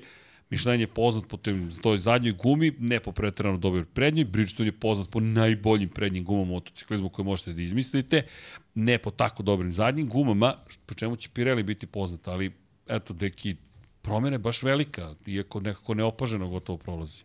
Pa može da bude velika promena pre svega zbog tog kup takmičenja u, u Moto dvojkama iz prostog razloga što ovaj, pneumatici su takva stvar da, da nekom vozaču mogu da odgovaraju, nekom ne. Uh, to je jedan aspekt, a drugi aspekt je da postoji taj moment gde se neko brže prilagođava na promene, neko spori, sporije, ovaj, a neko može, može se desiti da to apsolutno ne odgovara. Tako da možemo da imamo tu uh, tu neku, neku rokadu ovaj, što se tiče favorita ovaj, u, u samom, ta, samom takmičenju. Je sad Toni Arbolino je dao te optimističke izjave, ovaj, verovatno posle, posle tih nekih prvih proba koje, koje su imali, ovaj, očigledno da, da je shvatio da možda ovaj, ta guma njemu možda do, do, do, doprinese do boljim rezultatima u, u, u sledećoj sezoni, što je generalno njemu, njemu i potrebno pos, pos, posle ovih kako bih rekao, meš, mešovitih izdanja u 23. godini, njemu, njemu je potrebna konstantna 24. sezona i ako, ako tako krene, ovaj, zaista može da bude i, i, i glavni kandidat za titulu, pre svega što sad, sad raspolaže s tim ogromnim iskustvom koje je dobio prošle sezone iz, kako bih rekao, delimične borbe sa Pedrom Akostom. Uh, Toni Arbolino ima baš ozbiljan zadatak. Pazi, mora da savlada Fermina Aldegera i mora sebe da savlada. I mora da pokaže da sada kada je otišao, kao što si rekao Pedro Acosta, sva ta znanja koje je stekao će da pretvori nešto pobedničko. Drugo, Mark VDS Racing, moje mišljenje ovim izlaskom i u svetski šampionat u Superbike-u jasno stavlja do znanja koliko je ozbiljan tim. Ne želi više da ide u Moto Grand Prix, već je priča o tome, preveliki su mu troškovi, previše kompleksno, preveliki stres, ne uživa dovoljno Mark Van der Straten, vidjet ćemo kako će se ovo odraziti na njega u Superbike-u, koliko je stresno ili ne. Mislim da će mu više prijeti Superbike, nekako je siroviji, ali... I dobro, prva je sezona, ne, tako, tako da ne, ne mogu da, da budu neka, neka ogromna očekivanja što tiču ekipe, mislim, meni je tu onako nekako ako već postoji veći pritisak, treba da bude na Samu Lowesu nego na, na, na samoj ekipi kao takvoj. Jasno, s obzirom na činjenicu da. da ekipa može da ostane, treba da ostane tu, vozač može da se promeni, ali dobro. Mislim da će tu biti zanimljivo i iz perspektive zapravo, hajde, organizacije cijele ekipe logistički, jer ti možeš sada da ispratiš celu sezonu, mada kada pogledaš logistika je mnogo je, mnogo je manje zapravo za Superbike šampionat, mnogo je manje trkačkih vikenda, iako imaš tri trke po vikendu, Mark VDS Racing već ima ozbiljno iskustvo, imaju logistiku i za Moto Grand Prix i za Superbike. Tako da, pretpostavljam da neće biti toliko problema, ali, ok, Toni, ono što hoću da kažem je u jednoj ozbiljnoj ekipi i mora da iskoristi priliku.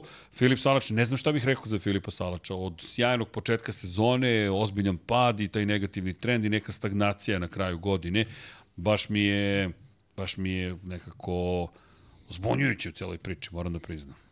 Pa dobro, da, mislim, očekivanja su bila veća, posebno što su rasla sa svakom dobrom, dobrom trkom, međutim, mnogo je tu neke stagnacije bilo i, I ovaj, e, jednostavno kad si na tom nivou i kad dođeš u takvu ekipu koja, koja može ti pruži i takvu mašineriju, jednostavno takve stvari ne smije se de, dešavaju. Mislim, sad uh, u suprotnom smeru, ako gledamo, trebamo da gledamo i u Celestina Vijetija i da vidimo kako će njegovo, njegova adaptacija da bude na, na ekipu šampionsku i da vidimo šta on tu sve može da pruži. Dobro. Lepo je videti u svakom slučaju Marko VDS Racing kao tim koji nekako ozbiljno je ovo sve iskoristio i lepo je što je to da Moto2 tim dobija svetla pozornice zahvaljujući Superbajku. Vratit ću se na, na, pa, na, i na Ducati i na Superbike, s obzirom na činjenicu da dosta pričamo o Ducatiju i svi ponavljamo i ta priča o Ducatijevom kupu, ali ljudi, dva nova inženjera, ajmo ovako, da, kada si uspešan, svi žele to nešto što ti imaš. Ono što je zanimljivo jeste i e, priče koje pričaju polako li sigurno ljudi koji su izašli iz Ducatija i prešli u Yamahu. Massimo Bartolini, Marko Nikotra su ljudi koji su otišli zapravo na poziciji tehničkog direktora i na poziciju glavnog aerodinamičara. Dakle, to su ljudi koji su otišli iz Ducatija i ono što je zanimljivo zapravo jeste što ne samo Ducati gubi ljude, što Yamaha dobija, već i koje priče stižu iz Ducatija i kako oni pristupaju tome. Jer ono što su pričali kada smo poredili sa Red Bull Racingom i Red Bull ostaje bez nekih ljudi, ne bez glavne osobe, to je i dalje, jel te, Adrian Newey. U ovom slučaju, kada pričamo o Gigi Dalinje, taj ko ostaje glavni u kontekstu samog Ducatija, međutim, zanimljivo je ovi odlasti kako će uticati. Pazi, otišao i Ćabati, pričali smo o tome, Paolo Ćabati više nije tu, pa sad ti odlaze inženjeri. Samo da li će izjednačiti do nekle stvari i kako će to uticati. Ono što je zanimljivo e, jeste zapravo da kada govorimo o pogledima na stvari, Ducati, moram da se osvrnem na, na vest koja je koja meni zanimljiva, ti ja smo se pogledali kada smo je videli, a to je, ajde dodajem priču, naravno malo, malo digresija, ali ima zapravo smisla u kontekstu toga što hoću da kažem, a to je da se oglasio i kada je reč o Ducatiju, ponovo Casey Stoner, dvostruki šampion sveta, za gazetu Delo Sport je rekao da je ono što je postignuto u ranim sezonama učešća u Moto Grand Prix veći uspeh za Ducati nego ovo što se danas postiže. Kada je ušao u šampionat početkom 2003. godine i da je najveći problem kada su se otarasili Filipa Preciozija, ono što se ono što je rekao, rekao je u standardnom svom maniru, uopšte nemam poštovanja prema načinu na koje je to učinjeno u Precioziju. Zašto spomenjemo Preciozija? Filipo Preciozi je praotac zapravo Panigaleja. Šta hoću da kažem za one koji možda ne znaju, Panigale nema ram. Dakle, Panigale, ulična verzija, nema ram. Dakle, vi imate motor s unutrašnjim sagorevanjem na koji je zakačena zadnja veljuška i na kojoj je stavljen prednji poluram, praktično i prednje oslanjanje. To je koncept koji je Filipo Preciozi razvijao zajedno sa Casey Stonerom. 2000, to, to si ja sam, ti, ja sam sve ti si, dobro, dobro, zbunio sam se, rekao da nisam nešto učinio. U svakom slučaju, de, deki si igra na mobilnom telefonu, vjerojatno nešto u Murinju. Ali, ali pojenta je sledeće, da je Preciozi izmislio potpuno novi Ducati, od kog se odustalo u Moto Grand Prix. Dakle, oni Stoner su to razvijeli pre, i oni su se igrali sa ugljeničnim vlaknima. Preciozi je insistirao na tome da se razvijaju ugljenična vlakna i taj, ta čuvena fotografija, kada gledate GP9 09 iz 2009. godine izgleda, izgleda kao svemirski brod, zaista. Jedan motor veliki, koji, koji je, ne, ne znam da li imam legalno, pokušat ću da je nađem, ali na koje je samo nešto zakačeno, otprilike to glumi motociklom. Stoner na tom motoru zabeležio nekoliko pobjeda i to je koncept koji je nasledio i Valentino Rossi kada je stigao zapravo u Ducati. Potom su prešli na japanske koncepte sa Yamahinim Delta Boxom i sličnim stvarima gde imaš klasičan aluminijski ram, a Preciozija su bukvalno isterali iz kompanije. Filipa Preciozi koji, koji je imao takođe neke neverovatne ideje, možda zatvoreniji od Luigi Dalinje, ali čovek koji takođe na tehničkom nivou bio izvanredan i rekao je, Preciozi je bio, bio je prosto veoma pametan, u godinama koje smo imali zajedničkim, ko na, sa kojim god motociklom smo započeli godinu, smo ih završavali godinu i nismo imali nove delove tokom sezone. Jednostavno, no, mi smo imali isti paket praktično. I onda kad je nešto trebalo da popravimo, e, imali smo izazove, ali je i dalje smatrao da je pristup bio dobar zato što bi sredinom godine za sledeću godinu već imali spreman motocikl, što me malo podsjeća na, na Bron Grand Prix kako su pristupali. Šta hoću da kažem, ono što je bio ograničavajući faktor za preciozi je bio budžet a on je s tim budžetom postigao rezultate koje je postigao. To je suština cele priče. I ne kao pohvalno je nešto, mi nismo imali šta da razvijamo. Ne, mi nismo mogli da platimo razvoj, tako da smo u junu prethodne godine počinjali razvoj za sledeću godinu i cele sezone vozili jedan motocikl i sa tim motociklom ostvarivali rezultate koje smo ostvarivali. I sad kad pogledaš to u retrospektivi, koliko je tako jedan tehnički mozak važan, ali koliko je moguće, dakle, probiti se kroz sistem ako znaš kako pristupiš. Pa da, tehnički mozak je važan, ali to je ono problem sa svim genijima što vjerojatno sve drže u glavi. I onda jednostavno to da, ekipa da, da. koja treba da odluči o budžetima koji treba da mu da, oni nemaju na osnovu čega ovaj, to, Što to da bih ja to stavio urade, na papir? A sa druge strane, Gigi Delinja je ovaj, očigledno i, i, i dobar menadžerski genij, osim što je, što je inženjerski ovaj, zaista izuzetno potkovan, tako da je vjerojatno umeo da, da predstavi svoju filozofiju i da, da tamo raspoloži neke ljude koji su ovaj, imali pristup kasi. Znaš, tako da verovatno je to razlika između njih dvojice, ali to isto i pokazuje da generalno u tom svetu moraš da budeš kompletan da bi mogo da uspeš. E, kada, e, kada govorimo o, upravo o tim stvarima i Stoner je konstatovao da je Dalinja prosto takođe sjajan, samo što je bilo potrebno mnogo vremena i mnogo para da bi se stiglo do ovde. E sad, lepo si rekao, Japanci su ti koji su uveli zapravo taj koncept eksplicitnog i tacitnog znanja, to jest eksplicitno napisano, tacit knowledge, to je ono neopipljivo u glavi, dok ne spustiš na papir, ne znamo mi prijatelji pa šta dobro, ti to da, želiš. mislim, trajalo je možda zato, tu treba malo izanalizirati i i šta je sve uradio Andreja Janone i Andreja Doviciozo, ovaj, tako da možda je to trebalo ranije da bude. Tako da ko zna šta bi se u stvari sada izdešavalo da, da je tad bilo ko zna zašto je ovo dobro. Vidi, sad im je dobro, uživaju, jure treću uzastopnu titulu, ali samo su mi nekako priče zanimljive koliko se sad otvaraju neke stvari i kako sve funkcioniše. Inače, u intervju za, kada pričamo, ajde, ponovo, o Ducatiju Gazeta je ponovo izvor mnogih informacija, zanimljivo je da se oglasio čovek kod koga ne dobijemo baš tako veliki broj informacija tog tipa Paolo Campionoti koji je rekao nemojte uopšte da brinete što ljudi odlaze iz Ducatija. Dalinja je genije i sve je pod kontrolom. Nemojte uopšte da se zabrinjavate previše. Pa da, nadam se da je genije u tom smislu da, da ume ovaj, dobro da, da vodi HR i da, da ovaj, delegira neke možda mlade ljude s nekim novim idejama koji će njemu pomoći da, da nastavi sa razvojem tog, tog Ducatija. E sad, ovi ljudi što odlaze, to je nekako ono, već smo pričali, da se ne ponavlja, nekako Naravno. potpuno prirodna stvar, ali ovaj, dobro je što sa njihovim odlivom generalno neke, neke druge ekipe mogu da, da dobro profitiraju i da, da, da se možda približe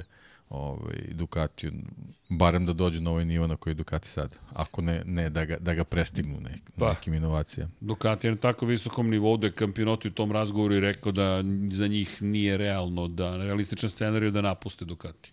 Jednostavno, ta sva pitanja i pozivi potencijalnih KTM-a koji hoće treću ekipu i Yamaha koja želi drugu ekipu, Kampinot je rekao ne, mi imamo opciju da obnovimo ovaj ugovor i to za nas nije, nije, nije, nije realno da napustimo Ducati. Ja mislim da tu niko ne želi da se razilazi, da je taj satelitski tim baš siguran. Baš, baš da. siguran. A što se tiče Gresinija, ajde da vidimo kako će proteći ova cela sezona i uspesi kako će biti za Markezu. Mislim da to ono što sam, što Braću. sam pričao i prošli put, to nema nikakve veze. Mislim, Gresini dobio stare motocikle. Jednostavno, oni nisu u toj priči u kojoj je Pramak. Pramak, kako bih rekao, sa svakom novom sezonom ulazi u nove rizike. Jer oni ne znaju šta će dobiti od Ducatija.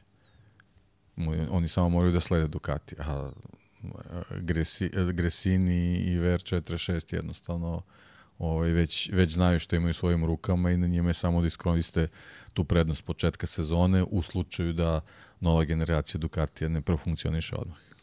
Dobro, to će isto biti zanimljivo vidjeti kada dođe vreme za... Ali ja mislim deki ove godine da će... Ali pazi šta, šta, šta, šta, koji ti sad imaš izazov zamisli zašto dolazak Marka Markeza, šta god pričala Nadija Padovani, jeste nešto što će ozbiljno da poremeti stvari. Samo zamisli bilo koga na fabričkom Ducatiju, da izgubi prvu trku protiv Marka Markeza. Je, Pa sam mislio sam ja to odavno. Ali, sad zamisli sledeće, šta će sve biti spremni da učine u ovom periodu i šta čine do Katara da im se to ne desi. Jer to mislim da čini Pa, ovo predsezonu znači, tako moćno. GP24 mora da bude bolje od To hoću ti GP23 kažem, odmah. ali ali, odmah. ali u, kojim, u kojim segmentima to mogu da uradi? Šta, šta treba da bude promenjeno da on bude drastično bolji od GP23? Ne znam. Stvarno ne znam, onako dobar što je, motocikl. to je baš ne problem. znam. Znaš, ti si napravio gotovo savršen motocikl i daješ ga u ruke jednog od najuspešnijih vozača svih vremena koji nije osetio slast prave pobede kako treba pet godina. Ti baš tražiš, igraš se s vatrom ozbiljnom, ali mene, meni je zanimljivo, mene uzbuđuje ideja šta će oni sada da urade, šta ovog trenutka svi zajedno čine i da li će nam Doni Di Campillo iko da popije kap alkohola od će kaže, a ne, ne, ne, prijatelji moji, to, to je u novembru bilo. Pritom ti Yamaha, to jest Fabio Quartararo, tek gladan uspeha, dobio dvojicu, dobio tehničkog direktora i dobio prvog čoveka aerodinamike Ducati prošle sezone. ok, kad tako postaviš stvari. Inače, Tako Massimo da- Meregali, Traže đavola. tra, da bukvalno... Vrlo jednostavno. Eho, ho, ho, ho. da li će dobiti đavola? Ali, vidi, Massimo Meregali, se, prvo to nismo prošle nedelje prokomentarisali, oglasio se na kraju sezone i rekao je bila moja najgora godina u karijeri u Moto Grand Prix. Inače, Massimo Meregali, menadžer fabričke ekipe Yamahe, koji će imati, da, to Rinsa i Quartararo. Ti kada pogledaš, taj tim je fenomenalan. Fabio Quartararo, Alex Rins, pa to samo da poželiš na papiru da imaš te vozače. I dobiješ taj italijanski menadžment koji crpi to iskustvo iz Ducatija. Mislim, dobro, Yamahi su svak, shvatili šta Dobro. je potrebno da bi možda uradili neke prečice i donekle smanjili taj svoj neki neplanirani zaostatak koji se izdešavao pre svega u prošle sezoni. Da, inače i Joan Mir se oglasio u ovom periodu rečima da ima malo više vremena od Marka Markeza, Pa ali ne jeste. previše. Jeste. I rekao je da Može je, da bude strpljiv možda još sezonu, dve i to je to. ali takođe rekao da sa njim ili bez njega Honda će se svakako vratiti i rekao je timovi da. fabrike imaju vremena, mi kao sportisti nemamo vremena. Nemamo vremena, to isto i sa Kvartararom i sa Rinsom, pa i sa Mirom, a, a U stvari. Mir, Mir nije, nije čak ni u poziciji da on odlučuje koliko ima vremena zato što ugovor ovaj, ne, neumitno teče, a s druge strane mora neke rezultate da, da pokaže da bi on mogao da se postavi u poziciju da on Hondi priča ovaj, da nema više vremena. Jer njemu sa, sa lošom sezonom i njegove opcije za pregovore za neku, za neku drugu ekipu onako se drastično smanjuju. 24 pada prošle godine. 24 pada, to postoje samo broj, to više ne možeš da, kon, da shvatiš koncept pad. To je pad 1, 2, 3, 4, 5, 6, 7, 8, 9, 10, 11, 12, 13, 14, 15, 16, 17, 18, 19, 20, 22, 23, 24. Umorio sam se da izbrojim do 24. On je čovjek toliko puta pao prošle godine s motocikla. I razmišljao i on je rekao da li je vreme za penziju. I ostao je ipak na motociklu. Da, ok, svi nekako veruju da je Honda ipak drugačija, da će, mada je rekao, teško je baš ove sezone. Kada uđete u velike promene, teško je tu u Pa jednoj dobro, godini. baš. njima, njima je samo potreban taj neki pozitivan osjećaj. To je ono što, što im je važnije od, od samog rezultata u smislu da se preko noći vrate na sam vrh. Njima je bitno samo da, da, da, da bude pozitivno. Eto, to je, to je ono što, što će ih zadovoljiti. Sad šta je to pozitivno, vidjet ćemo kad krene sezona. Pa dobro, da, po, relativno je, zaista je relativno, ali ajmo da krenemo ovako, ko- koja bi meta morala da bude, da si redovno makar u Q2 delu kvalifikacije. Pa, na primjer, da. Za početak. Kako Da si redovno u smislu se ne mučiš da uđeš u Q2. koliko puta su deki bili u 16. 17. 18. 20. Da nisu ni blizu bili Q2. Bukvalno. Ti, ti, ti čitaš imena svih mogućih vozača, nisi ni stigao do Hondinih. Nisi ni stigao bukvalno do Hondinih. Jednostavno dođeš u situaciju da se pitaš da li ovi ljudi uopšte voze trenutno ili ne. Ili smo mi u nekom paralelnom univerzumu u kojem jednostavno, hajde da kažemo, ne postoji Honda. Znaš, bukvalno multivers. Pri čemu Miru ističe ugovor na kraju ove godine.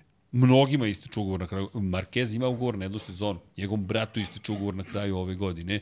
Jorgeu Martinu ističe ugovor na kraju ove godine. Pa neparan je Marini, je li tako? Marini je jedini neparan. Enea Bastianini ističe mu ugovor na kraju ove sezone. Marko Beceki ističe mu ugovor na kraju ove sezone. Fabio Di Gian Antonio ističe mu ugovor na kraju ove sezone. Fabio Quartararo ističe mu ugovor na kraju ove sezone. Mar Jack Miller ističe mu ugovor na kraju ove sezone. Gas Gasova Nova zvezda, Pedro Acosta, ugovor ističe na kraju sezone. Augusto Fernandez ističe ugovor na kraju sezone, ja ne znam da li smo ih... Znaš ko ima dvogodišnji? Joan Zarko. Zarko. Zarko da, i... da, da, on je došao. Da, Da, Zarko i Luka Marini. Takaki na Kagami ističe ugovor na kraju sezone. da pa njemu ugovor nije bitan. Ne, ne, ali On okej. će ostati. On će ostati, da, nego, ali samo eto da spomenem da zvanično svima ističe ugovor On na neće kraju ostati sezone. samo ako Honda promeni motor, ako uzme Yamaha motor. Samo tako Mada će i tići. tad pitanje. Znaš, Japanac je ipak... Da, ali- Mada Yamaha nema te, Da. baš nema. E, Honda, to je zanimljivo koliko Honda tome baš vodi računa od uvek. Pa i u Formuli 1. I u Formuli 1 znao se, pa evo, i sad Da. imamo Japanca u Alfa Tauri. Nema, hoćeš motor, Znači, viđen Aston Martin. Jao, deki, ti si genije, to sam uvek govorio, pa ne, pa zašto ti nije bilo jasno? Pozdravite Jose. Brat Jose pita za deki, ili me spominju večeras. Obrigado. Obrigado, obrigadu. Obrigado. da, da, otpusti čoveka na pravdi Boga, ali dobro. Ali u svakom slučaju, ne, pa kada je reč generalno na isto japanskoj filozofiji, dakle Aston Martinu ćemo imati japanskog vozača. Da, deki, to je tako očigledno, nikako to da spomenemo. Hvala. Inače se vidio da McLaren tebi. predstavlja... Da, jesi vidio, to ti sam postalo backend. Ali, forehand, backend, ali da je McLaren predstavio boje, boje. Svog bolida. Čekaj, jesam potpuno oduševljen. Dakle, sada više nema prezentacije bolida. Danas vam predstavljamo boje našeg novog bolida. Čekaj, Pa dobro, juče smo baš pričali kad će da... da ovaj, će da krene nešto? Pa ne, ali team launch, znaš kao, je li ovo prezentacija ekipe? Nije ali ćete da dobijete naše nove boje. I obrisali su ceo Instagram da bi predstavili šta, nove boje. Boje, pritom je malo više crne nego što je bilo prošle godine. Mada vidim na Twitteru komentare da se raduju što je crna cena, da opet smanjuju boju zbog farbe. E, Da, ja će sam očekivao novog sponzora, još nema ništa novo. Nema. Ništa novo. Ništa novo značajno, sad ovi, ovi manji... Estrelja Galicija. Ne, ne, ali gledam, ovi, ovi koji dominiraju isti su kao i prošle godine, ništa se to nije promenilo. Hrom i ovaj, ovaj, KX, šta je ovo. Eto, to je to. Ništa, ništa značajno veliko.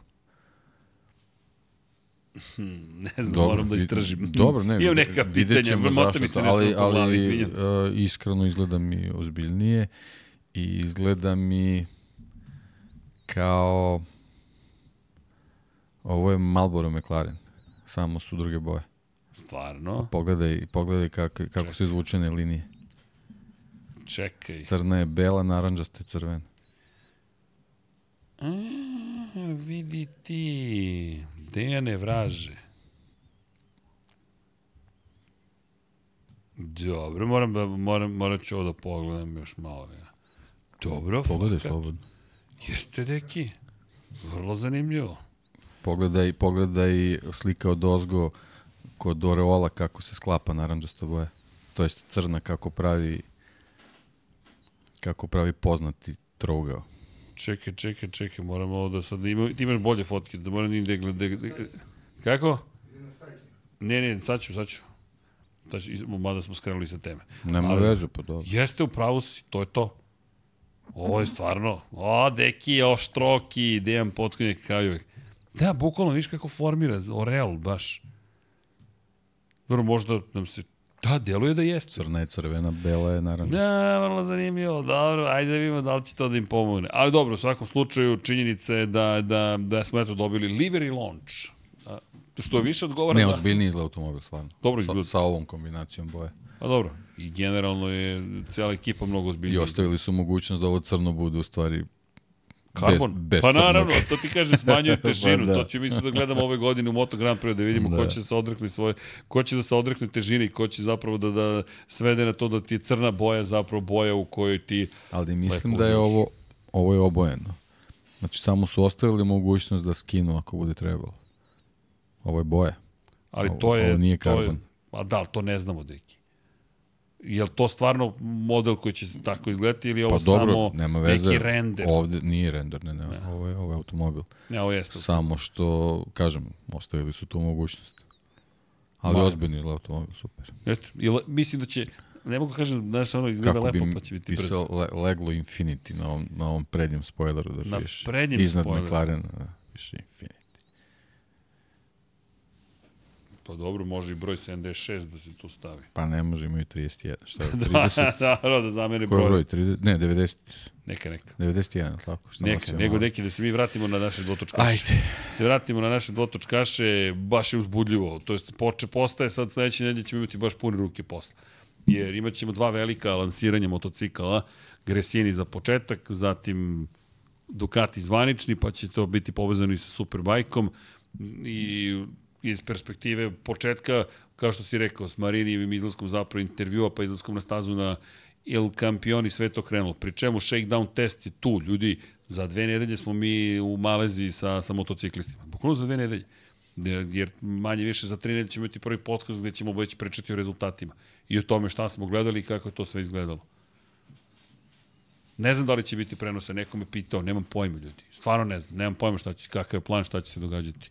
Iskreno, jedva čekam i ja da saznam, bilo bi lepo da ima prenosa, s obzirom da je to nekako poseban moment, počinje sezona, nije počela, ti opet gledaš motore na stazi, komentarišeš nove delove, ponašanje, ko su ljudi, kako to izgleda, jednostavno planiraš nešto, udubljuješ se u neku priču, ako ne bude testova, nisam baš siguran da ćemo u 4 ujutru da ustanemo i da, da pravimo podcast uživo, ali nikad ne reci nikad. Čudna je grupa ljudi koja se nađe u ovom studiju.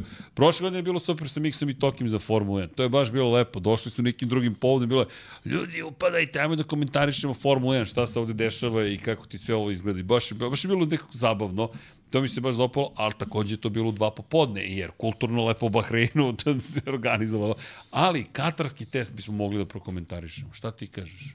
Može sve što se uklopa nekim, s nekim normalnim tajmingom, zašto da ne? Zašto da ne sednemo i prokomentarišemo? Eto, ako ne bude testa uživo nigde, mi ćemo da sednemo i da komentarišemo šta je to što mi vidimo. Pa, ako vam je to zanimljivo, mi ćemo lepo da se igramo.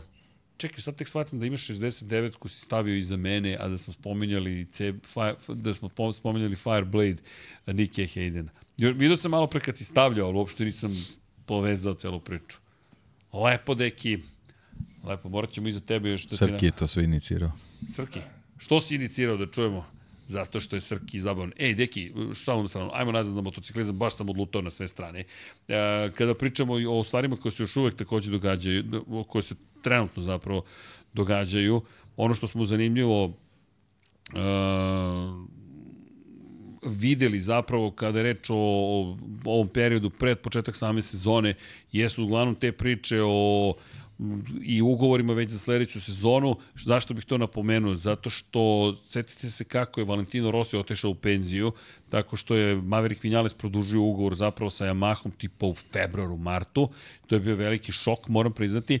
I ja bih vrlo pažljivo pratio čak već sada neki potezi nekih kompanija, jer me ne bi iznenadilo da žele da osiguraju usluge određenih vozača. Ne kažem da će to biti uh, Mark Marquez ili neko, za njega su rekli da će bukvalno sve biti procenjeno na osnovu rezultata koje bude ostvario, pa na osnovu toga će da vide šta će se desiti. Inače, ono što je zanimljivo, e, Paolo Čabati je dao Motorsprintu jedan vrlo dobar intervju u kojem je rekao što se njih tiče, vreme multimilijonskih ugovora za vozače je prošlo. Ja se ne slažem sa Čabatijem, mislim da je to trenutno samo situacija koju Ducati uživa i rekao je činjenica da smo mi proizvođač sa najpoželjnijim motociklom, nam dozvoljava da, da na ekonomskom nivou da razmišljamo malo drugačije i da budemo racionalniji, trezveniji i samim tim da nema potrebe da plaćamo vozače tako mnogo. I to jeste dobro pitanje. Ako, na primjer, Marquez osvoji titul i kaže hoću mnogo para, Ducati kaže ok, mi ti ne damo mnogo para. Na koji ćeš motocikl? Ti si došao kod nas i osvojio si titulu sa nama. Znaš, dobra je pregovaračka pozicija, nego nisam razmišljao o tome, onda Paolo će bati tradicionalno direktno u, u glavu, jasna poruka i ne samo Pa Markezu. da, ali tu onda imaš momena da, da je tebe stvari poraz ako takvog vozača ne zadržiš. Dobro, ima i toga, okej. Znaš, okej. ni, svako ima svoju pregovaračku poziciju. ravnoteža. Da, nije to baš, ne može tako jednostrano da bude. A što se tiče ovih stvari, evo sad sam uzeo baš da pogledam kalendar, ovaj, e, moguće da, da ovo što si rekao, da, da, da zbog tih isteka ugovora koji imamo na kraju 24. godine se desi da, da neko poželi da, da ranije startuje sa, sa ponudama za, za određene vozače i da, da pokuša da ih nekako natera da brzo donesu odluku i da, da u, u ranoj fazi sezone ovaj, potpišu ugovore, ovaj, tako da iz ovoga što se vidi po kalendaru, verovatno će se, ako se ako se bude razmišljao na, na taj način, ako, ako postoji mogućnost, znači neki kraj aprila bi moglo da, da bude neki, neki prvi startni period što se tiče tih ovaj, a, možda potpisivanja ili nekih ozbiljnijih pregovora iz prostog razloga što mislim da će ove prve četiri trke u stvari a, svim biti fokus, svim, svim proizvođačima biti fokus na, na motociklima. Da vide da li su stvari ovaj, evolucije ili revolucije za 24. urodile plodom, jer ako nisu, onda će morati više pažnje da, da posvete ovaj, uh, daljem, daljem razvoju motocikla i možda im vozači u, u tom smislu neće biti u prvom planu, ali ako se, ako se desi da neki od, od ekipa koje ovaj, uh, koje su sada u problemima, ako uspeju da, da u, u tim početnim fazama sezone uh, naprave inicijalno dobre motocikle, a onda zbog koncesije imaju prilike da tokom sezone to bez problema razvijaju, bez nekih velikih pritisaka, zbog, tog, zbog tih svojih dobrih izdanja na početku sezone imaće dobru startnu poziciju da možda pokušaju neke vozače da prijavole, tipa da produže ugovore ili da, da dovedu neke neke druge za koje smatruju da će biti kvalitetniji na, na, na kvalitetnim motociklima, ali generalno mislim da da o tome ne moramo da razmišljamo neki prvi, prvih recimo četiri, možda pet traka. No, inače, zanimljive su informacije oprečne koje dolaze sa svih strana. Ja, pogledaš intervju koji daje pa Ćabati, S druge strane, Mark Marquez koji u razgovoru sa motorsportom, to je autosportom, kaže da, što se njega tiče, nikada nije osetio da nije poželjen u Ducatiju. Kaže, niko od šefova Ducatija meni nije predstavio situaciju kojoj sam ja potencijalno nepoželjen u ekipi i opet to ti sad stvar perspektive, percepcije, ali rekao, nikad nisam osetio da ne žele da budem na njihovom motociklu. Pa dobro, ali čisto su mi da su pravili neki, neki crveni tepih i neku, Teško. neku žurku dobrodošlica. Nisam baš siguran da je to bilo. Da, ali rekao ne, ja ne bih ni došao da, da sam nepoželjen. Prosto ljudi ne bi... Posebno što ne znam, ne znam gde je to moglo da se desi. Mislim, jednostavno zapamtio sam utorak u Valenciji. Dobro. Ovaj, mislim, kako bih rekao, jedan, jedan radni dan posle dana pauze. Nije sad tu, šta, šta je neko trebao da uradi? Da ne, ga, ne, ne, ništa. Tako da čisto sumnja, možda, možda čak ni to nije baš tako rekao kako su tu, tu preneli. Da, ko zna ko, ko, ko je zapravo priča, ali opet zanimljivo je koliko se u svemu tome diskutuje zapravo i... Znaš, pretpostavljam niko nije uduševljeno prilazio da, da se rukuje s njim, niti mu iko krenuo leđenog, jednostavno verovatno bila neka potpuno normalna uh, konverzacija u, u toj situaciji. Dobro, inače Ćabati je otvoreno rekao, no, ono što je meni fascinantno, taj isti Ćabati je rekao da je za Markeza opcija ukoliko osvoji titulu za da pređe u fabrički tim otvorena za 2025. To je rekao u Valenciji posle testa. Da, on, ali isto tako će Bati rekao da će ovo biti najkompleksnija sezona za Ducati. Jer imaju dve snažne ličnosti, Banjaju i Martina, kojima moraju da se bave I kada pričamo kime se bave, oni se bave satelitskim timom i fabričkim timom i oni moraju to da reše. Ono što ti kažeš, ovo je neka osoba koja dolazi iz ekipe koja da, ima veze sa Ducatima, ali drugačija je pozicija i Gresinije i VR46 tima. Drugačije su to pozicije, to nije taj fabrički tim u kojem su de facto i Pramak i, fa, i zvanični fabrički tim, kojim je Ćebati, izvinjam se, na neki način mora da upravlja, s tim što tu imaš i Gina Borsa kao menadžera Pramaka koji takođe mora da obavi svoj deo posla ali sve su to prosto informacije koje samo potvrđuju čak i ovo koliko pričamo o svemu tome da je dolazak promenio mnogo toga, neću reći sve, ali da je promenio Markeza dolazak u Gresini baš, baš mnogo toga, jer malo malo priča se vrati na tu priču. Ti kada pogledaš malo malo pa stigne opet ta priča. Malo malo pa opet se pojavi neki komentar na tu priču. I opet smo se vratili nekako u Kresini, jedva čekam tu subotu, dajte da vidimo te motocikle, kako će to da izgleda. E da, što se tiče prenosa, uh, uh, imaćete na zvaničnom sajtu Dorne i imaćete na YouTube kanalu Dorne zvaničnom mogućnost da gledate uživo prezentaciju motocikala, svih 11 motocikala, tako da znate Nemojte se subscribe-ovati samo na naš kanal, nego se subscribe-ite i na motogp.com, pa ćete ispratiti, ima lepih stvari tamo ove godine. Meni se dopada šta radi Den Rozomondo. Den Rozomondo, čovek koji je preuzeo komercijalne zapravo aspekte Moto Grand Prix-a, uticaj se osjeća. I ove godine, nešto što smo im tražili godinama unazad, dajte da preko YouTube-a se nešto radi, je tek oživelo sada i vrlo zanimljivo je koliko zapravo će YouTube igrati veliku ulogu u tom kontekstu za, za MotoGP kao sport i za konkretno njihov kanal, pošto će odjednom svih 11 timova slati signal profesionalni ka Dorni koji će to kasnije reemitovati. Što je super. Ja stvarno mislim da je to super, to je ono što je nedostajalo. I vidi se pomak, deki. Zaista se vidi pomak. I ovo što si danas imamo mogućnost da pričamo o mnogim stvarima koje se dešavaju, čini mi se da su i timovi nekako uskočili u taj vozić. Idemo, ide negde ovaj Čira, Mark VDS takođe je svestan toga, jer ovo zaista sve izgleda super profesionalno, pogotovo web sajt. Odavno nisam vidio da je web sajt ažuran, nekom je dan lansiranja. Ljudi obično se dešava da slike ne rade, linkovi ne rade, biće, ne. Da, pritom Mark VDS kao, kao takav nema, nema potrebu da to radi iz nekih svojih drugih marketinških aktivnosti, tipa da udovolji zahtevima nekih svojih sponzora. Oni su sami sebi sponzori i, i ovaj,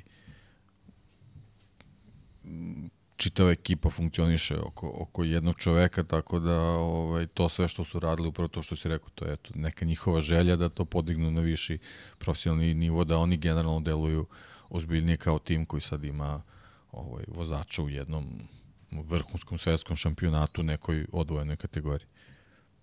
Da, inače, samo moram da napomenem jednu bitnu stvar. E, sa sa početka podcasta nismo rekli kompletnu informaciju kada je reč o trci 100 km šampiona. Nije pobedio samo Luka Marini, nego je pobedio i Valentino Rossi, njegov brat, pošto su oni zajedno predstavili ekipu. Čisto da napomenemo, da ne bude da smo rekli Namešta. da bude samo Luka. Vlasnik staze je pobedio zajedno sa svojim bratom. Ne, najbolje poznaju stazu, pa zato.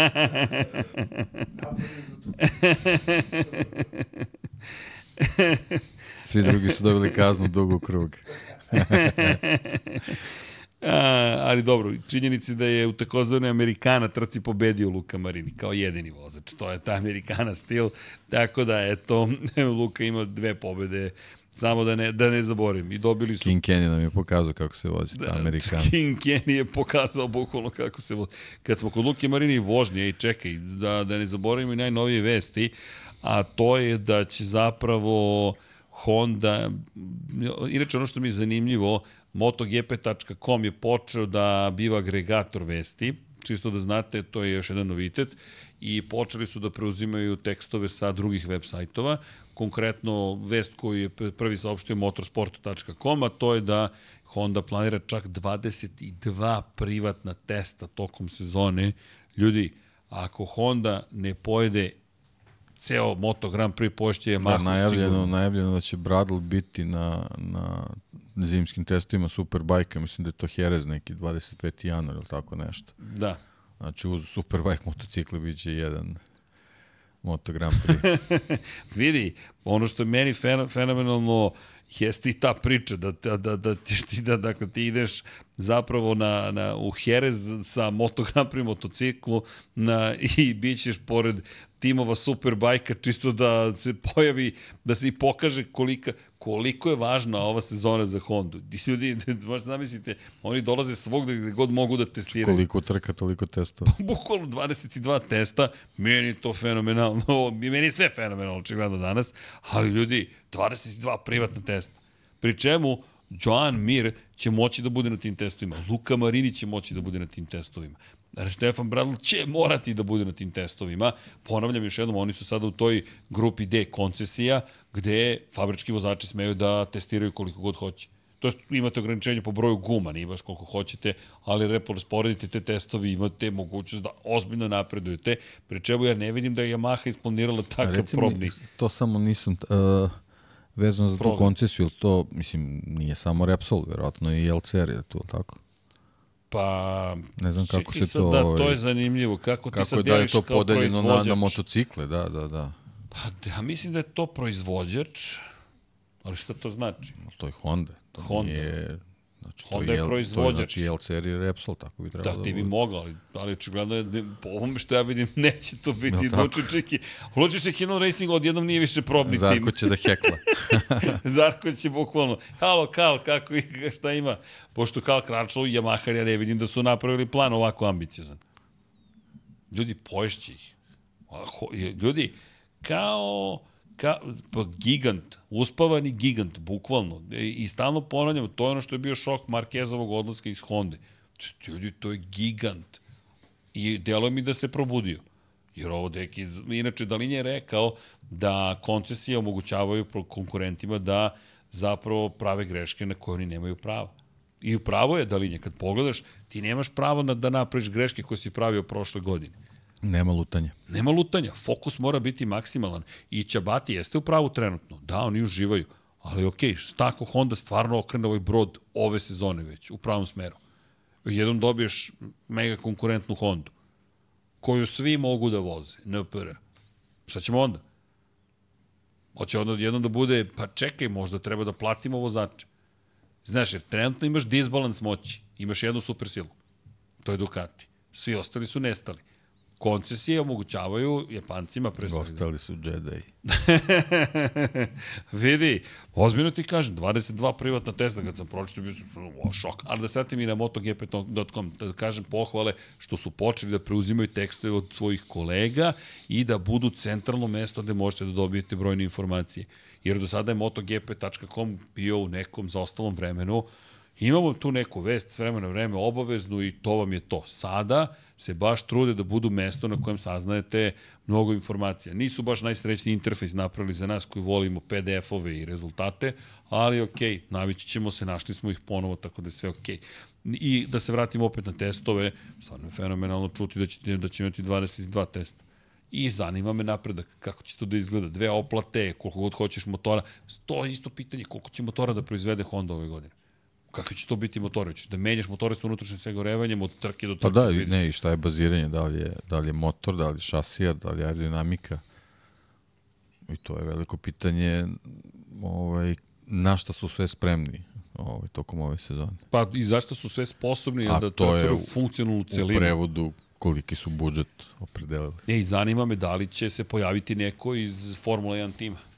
Jer prošle godine su Red Bullovci bili sa KTM-om u predsezoni i pomagali im da unaprede motocikl. Sad me zanima ko će se pojaviti, da li će se pojaviti iz Formula 1 za samu Hondu. Na Red Bull ne mogu da se ostane pošto imaju konkurenciju u KTM-u. To je zanimljiva ta Pa kombinacija. ne, i Red Honda. Bull odlazi. Da, ako. Ako, odlazi. pa dobro, da. Ako, Ako, odlazi. ali deluje, da, to deluje da odlazi. Ono što smo do sada imali prilike sve da čujemo i vidimo jeste da je to odlazak. ali F1 Honda može da im pomogne samo u nekoj ekspertizi vezano za agregate. Da, pa opet vraćamo se na motore. Mada i tu je sad pitanje, znaš,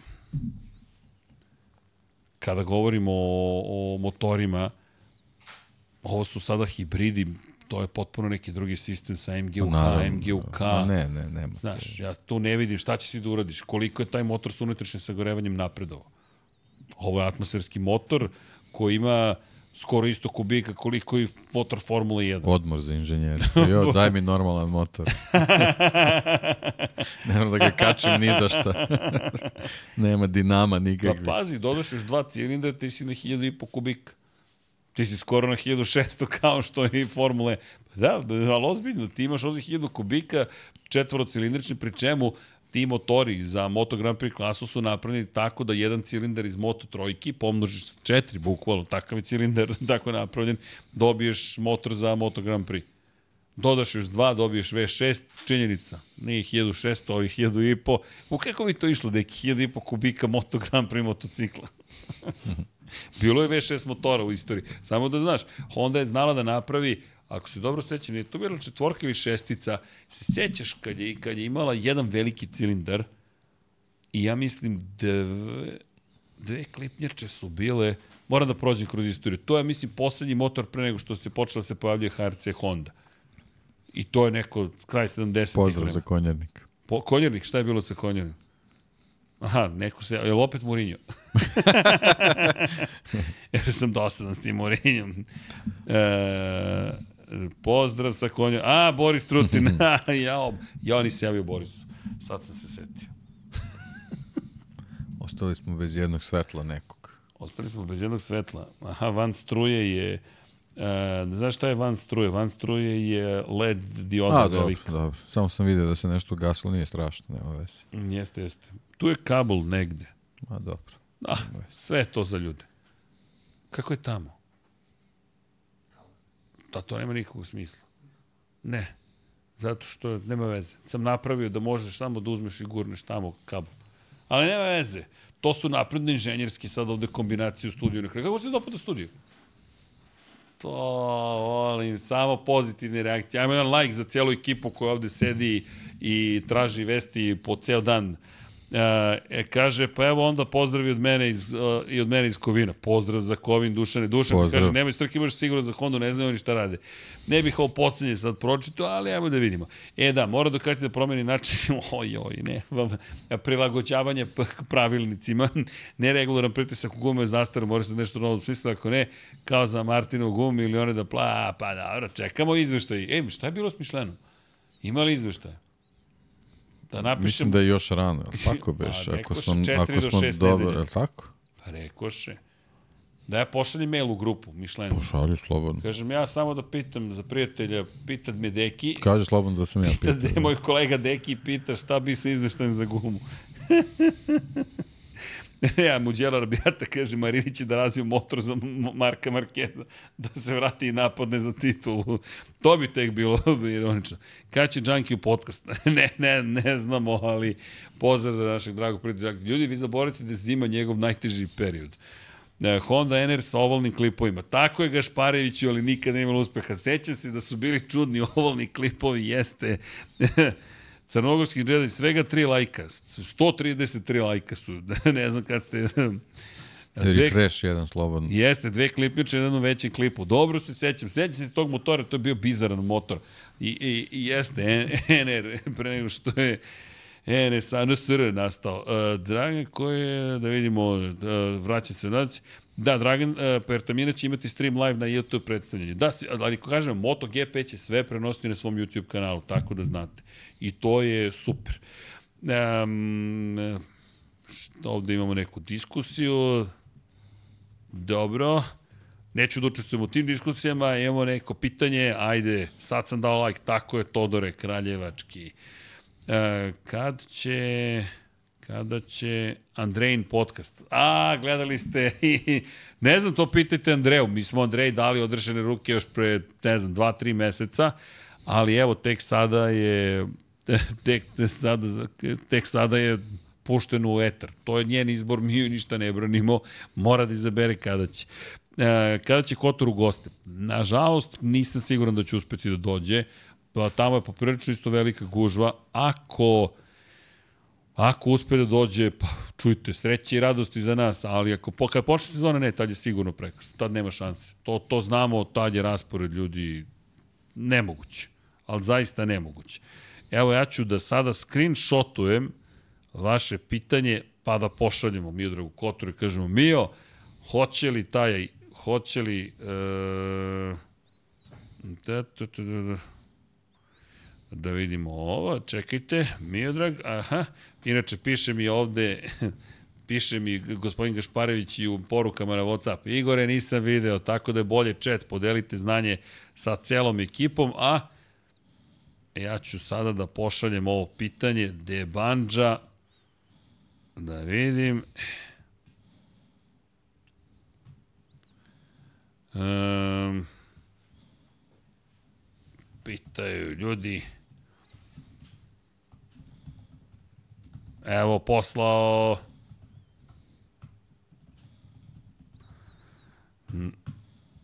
Dobro.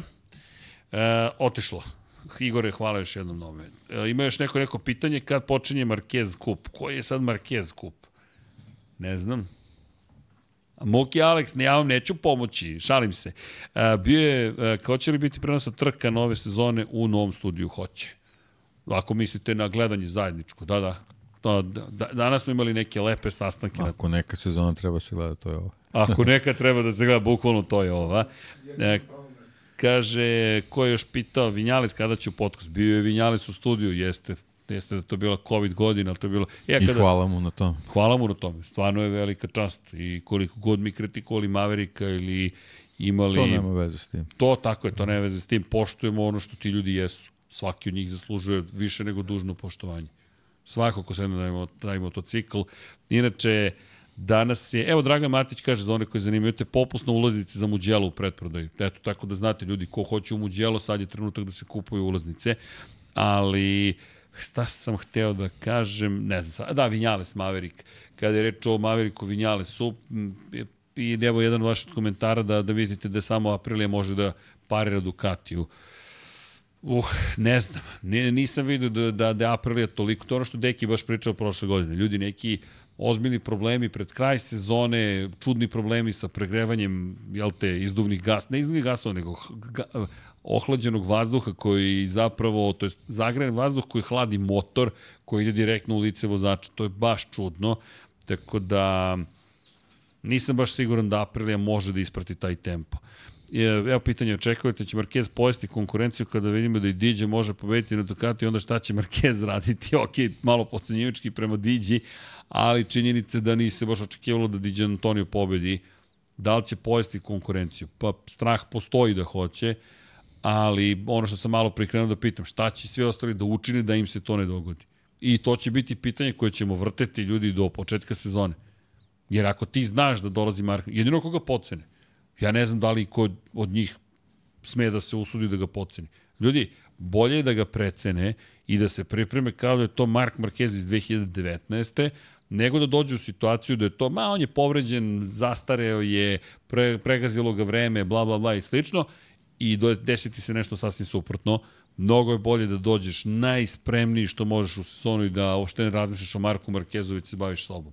Tako da nisam siguran, zaista Muki Alex ne mogu da odgovorim.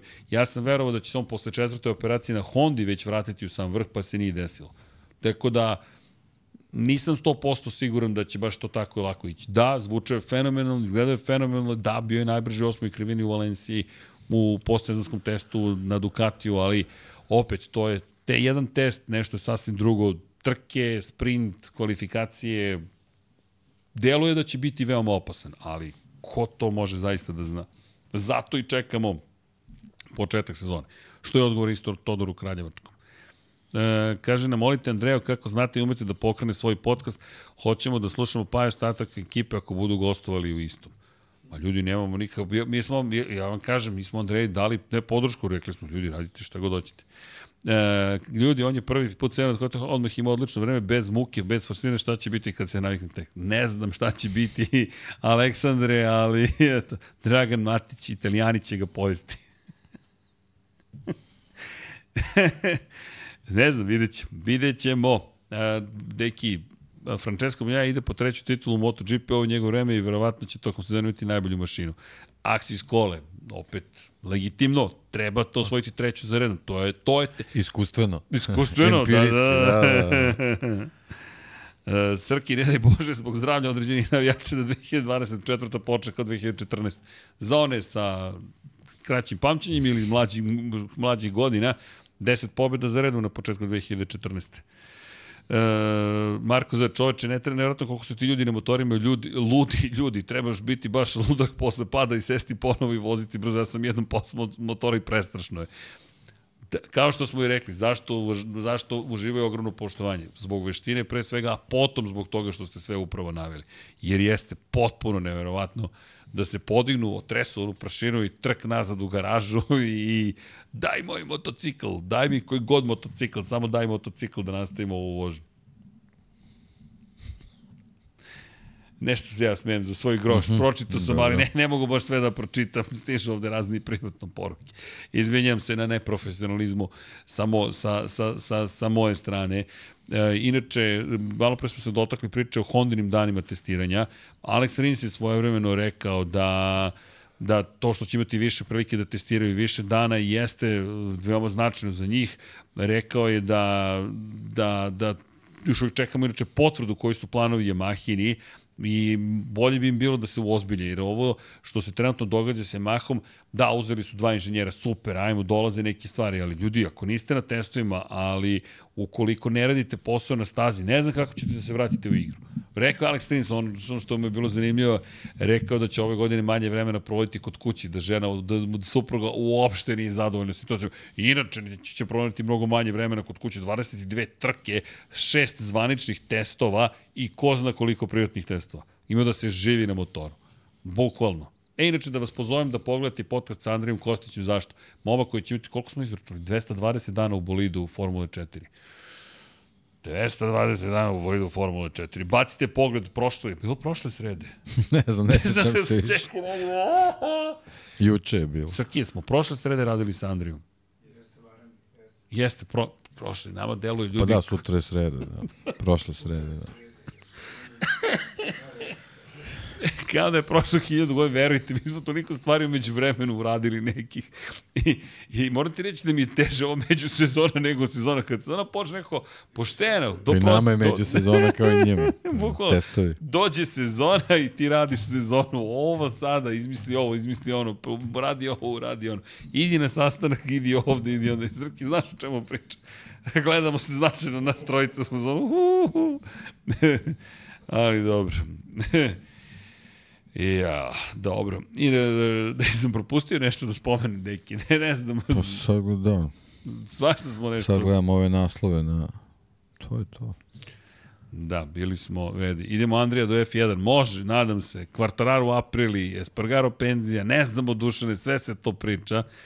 Inače, da, Muki Alex, začetku će Yamaha doživjeti Suzuki scenariju do 2026. Pa ne znam, mislim da ne, nis, nije to Suzuki. Nije to Suzuki, ali bilo je priče, to smo govorili svojevremeno, da su bili nadomak izlaska iz Moto Grand Prix pre što su angažovali Rosija i da je za njih bio to potez očajnik. Da, da sve urade da, da dovedu Valentina Rosija i da zapravo na taj način ne samo ostanu u Moto Grand Prix, nego daju sve od sebe da postignu ozbiljan rezultat ili da to bude kraj. Postavlja to ozbiljan rezultat.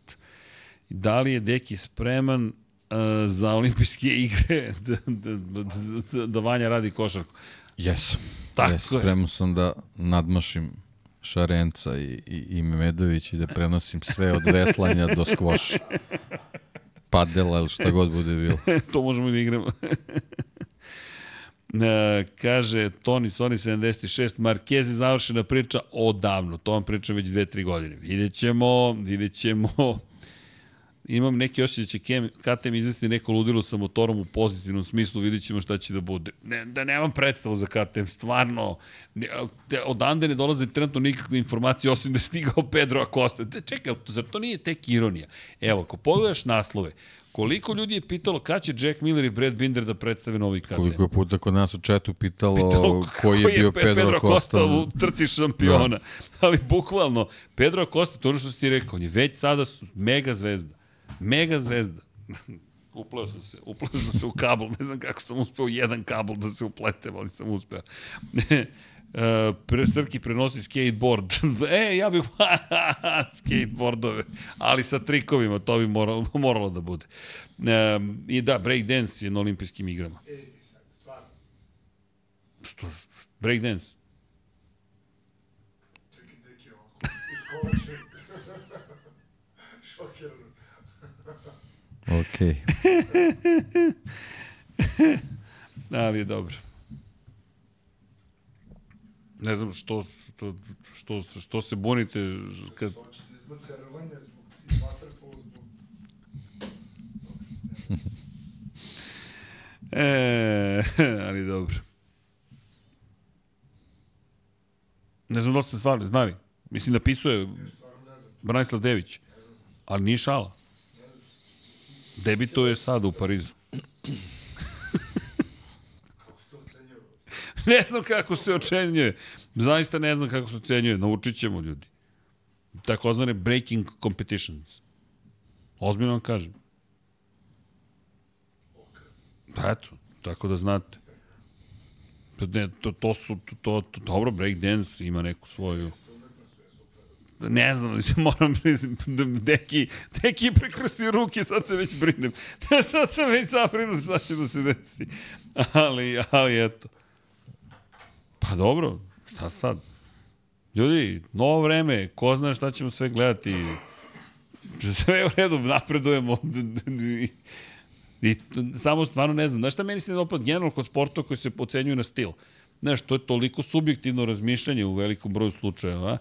Ne, ne, ne, ne kažem da će sudije greše, ali mi je uvek nekako čudno mi je, pre, čudno, zaista mi je čudno kada, kada vidim da, da, da se očekuje potpuno objektivnost od sudije.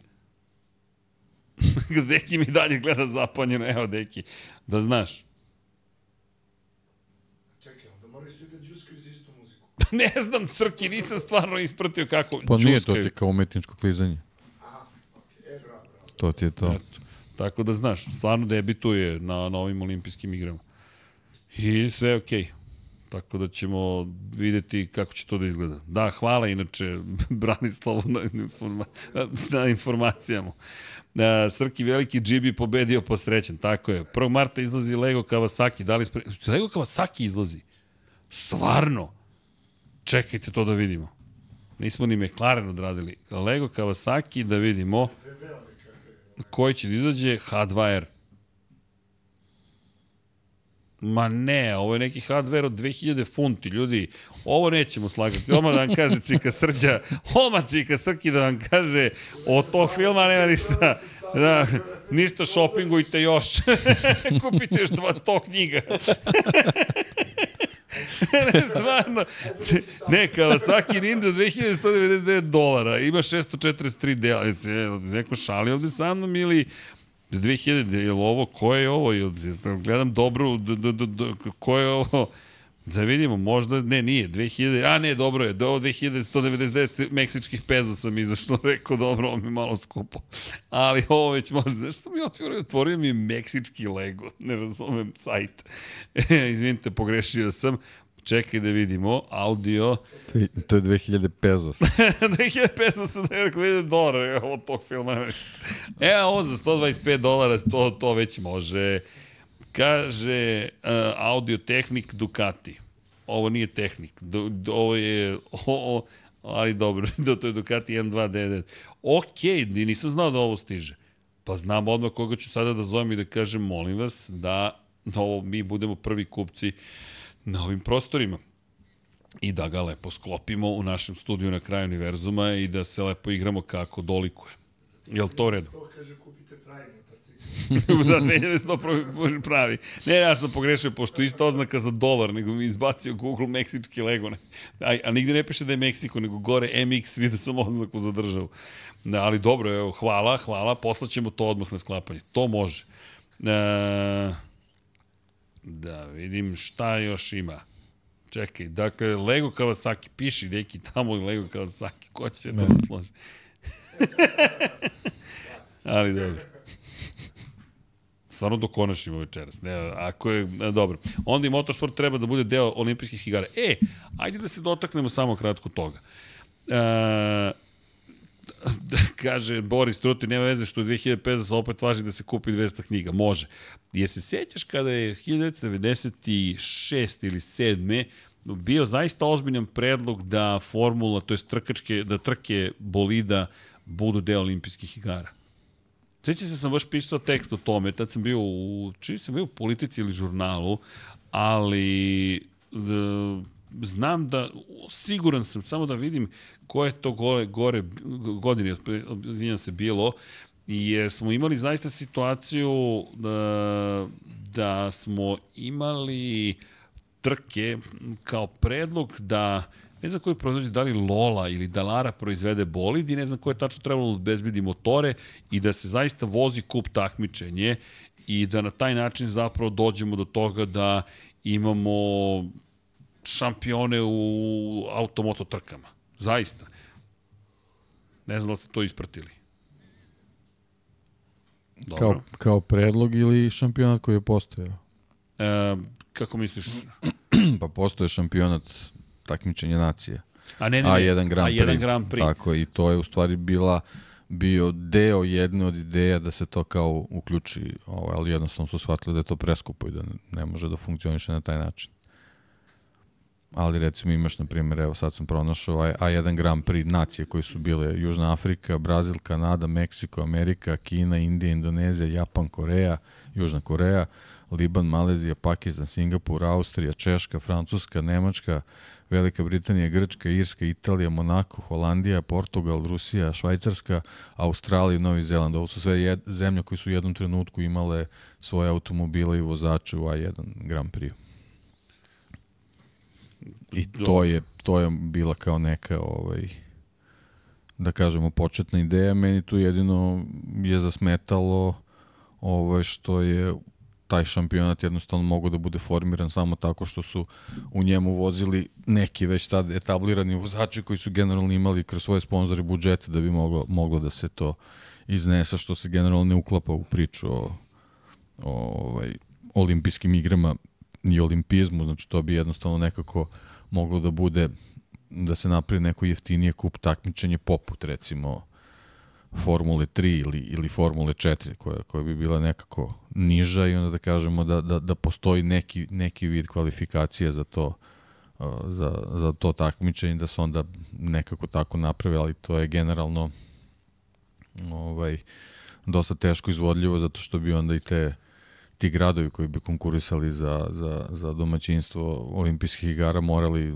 i u svojoj blizini da imaju ovaj, trkačku stazu ako je nemaju Ili ulična izgra- staza. Pa da, ili, ili ulična staza, što znači onda bi neka Formula E možda, na primjer, došla u obzir da se, da se nađe kao, Dobro, kao to bi imalo i potencijalni smisla automobil, da. kao vozilo Pa u budućnosti, da, elektrifikacija kao, da. Ili recimo da, da 20 najboljih breakdancera sednu u Formulu E pa da vozi.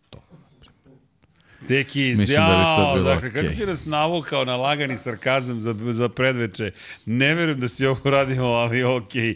Dao si se kompletan komentar u jednoj rečenici. Svaki razumeo sam ili mislim da sam razumeo, time posle ispravio koliko grešim. E, ali čisto da znate, ne znam da li se sećate kada smo bili Pa dobro, to je 2020. kada je bio COVID i kada je sve bilo to zatvoreno praktično. 2021. Sećaš da, je da, su olimpijski, da je Međunarodni olimpijski komitet organizovao one virtualne serije sportske. U virtualnom svetu je bilo takmičenja, prosto da se nekako fokus prebaci na e-sports i da se generalno bavimo sportom. Između ostalog GTE, Gran Turismo je bila jedna od pet disciplina u kojoj su se takmičili. Seća se da je bio jedan događaj u kojem je, neće se sad imena momka, ne zamerite, pobedio na ja, jednoj od onih osnovnih staza u Gran Turizmu i proglašen je za prvog trkača u motosportu u olimpijskom događaju. Nisu bile olimpijske igre, ali to se ne, Deki je šokiran mojim rečenicama. Deki nisam ja, nemoj mene. Dakle, Međunarodna automobilska federacija i Međunarodni olimpijski komitet, pusti kabel, nemoj kabel, molim te. Dakle, je, jesu zaista organizovali su takmičenje, znam da se, ne znam, milion ljudi prijavilo, da je, da je to baš bilo onako ozbiljno. Ne, mislim da je bio momak iz Italije, ali nemoj me držati za reč koji je zabeležio pobedu. I to je bio navodno prvi pobednik u virtualnom sportskom događaju automoto sporta ikada. Znaš kad nešto se desi, prvi pobednik u sedenju na plavoj stolici u studiju na kraju univerzuma u sredu 16. januara posle 9 uveče je Dejan Potkonjak. E, otprilike tu smo negde, ali stvarno, stvarno su bili organizovali. Ja ne mogu da setim tačno svih detalja, ali to je bio neki događaj. Čak su i najavljivali to kao priču od, ne znam, početka 20. veka u Parizu i prvih trka do sportskog događaja u virtualnom svetu Tek je papir šta ja pričam. Izvinjam se. Pa ne znam šta, šta da kažem. Je. Ne, ja samog sebe dok slušam, zvuči mi kao stvarno da sam nisam pio čaj večeras, kao da sam pio seks sa hadlom. Jel imamo neki hadl, jel preživeo? Ima šta? Ne, ne, da li ima ovde gore? Dole mi, dole mi predaleko da, da, da ovde to, da, prostora. E, ali deki, stvarno se to desilo. ne, ne mogu sediti tačno okay, imena i pa, prezimena. Evo, ako neko od gledalaca to ispratio, ljudi, ispravite me ukoliko grešimo, se sjećam da je tako nešto bilo.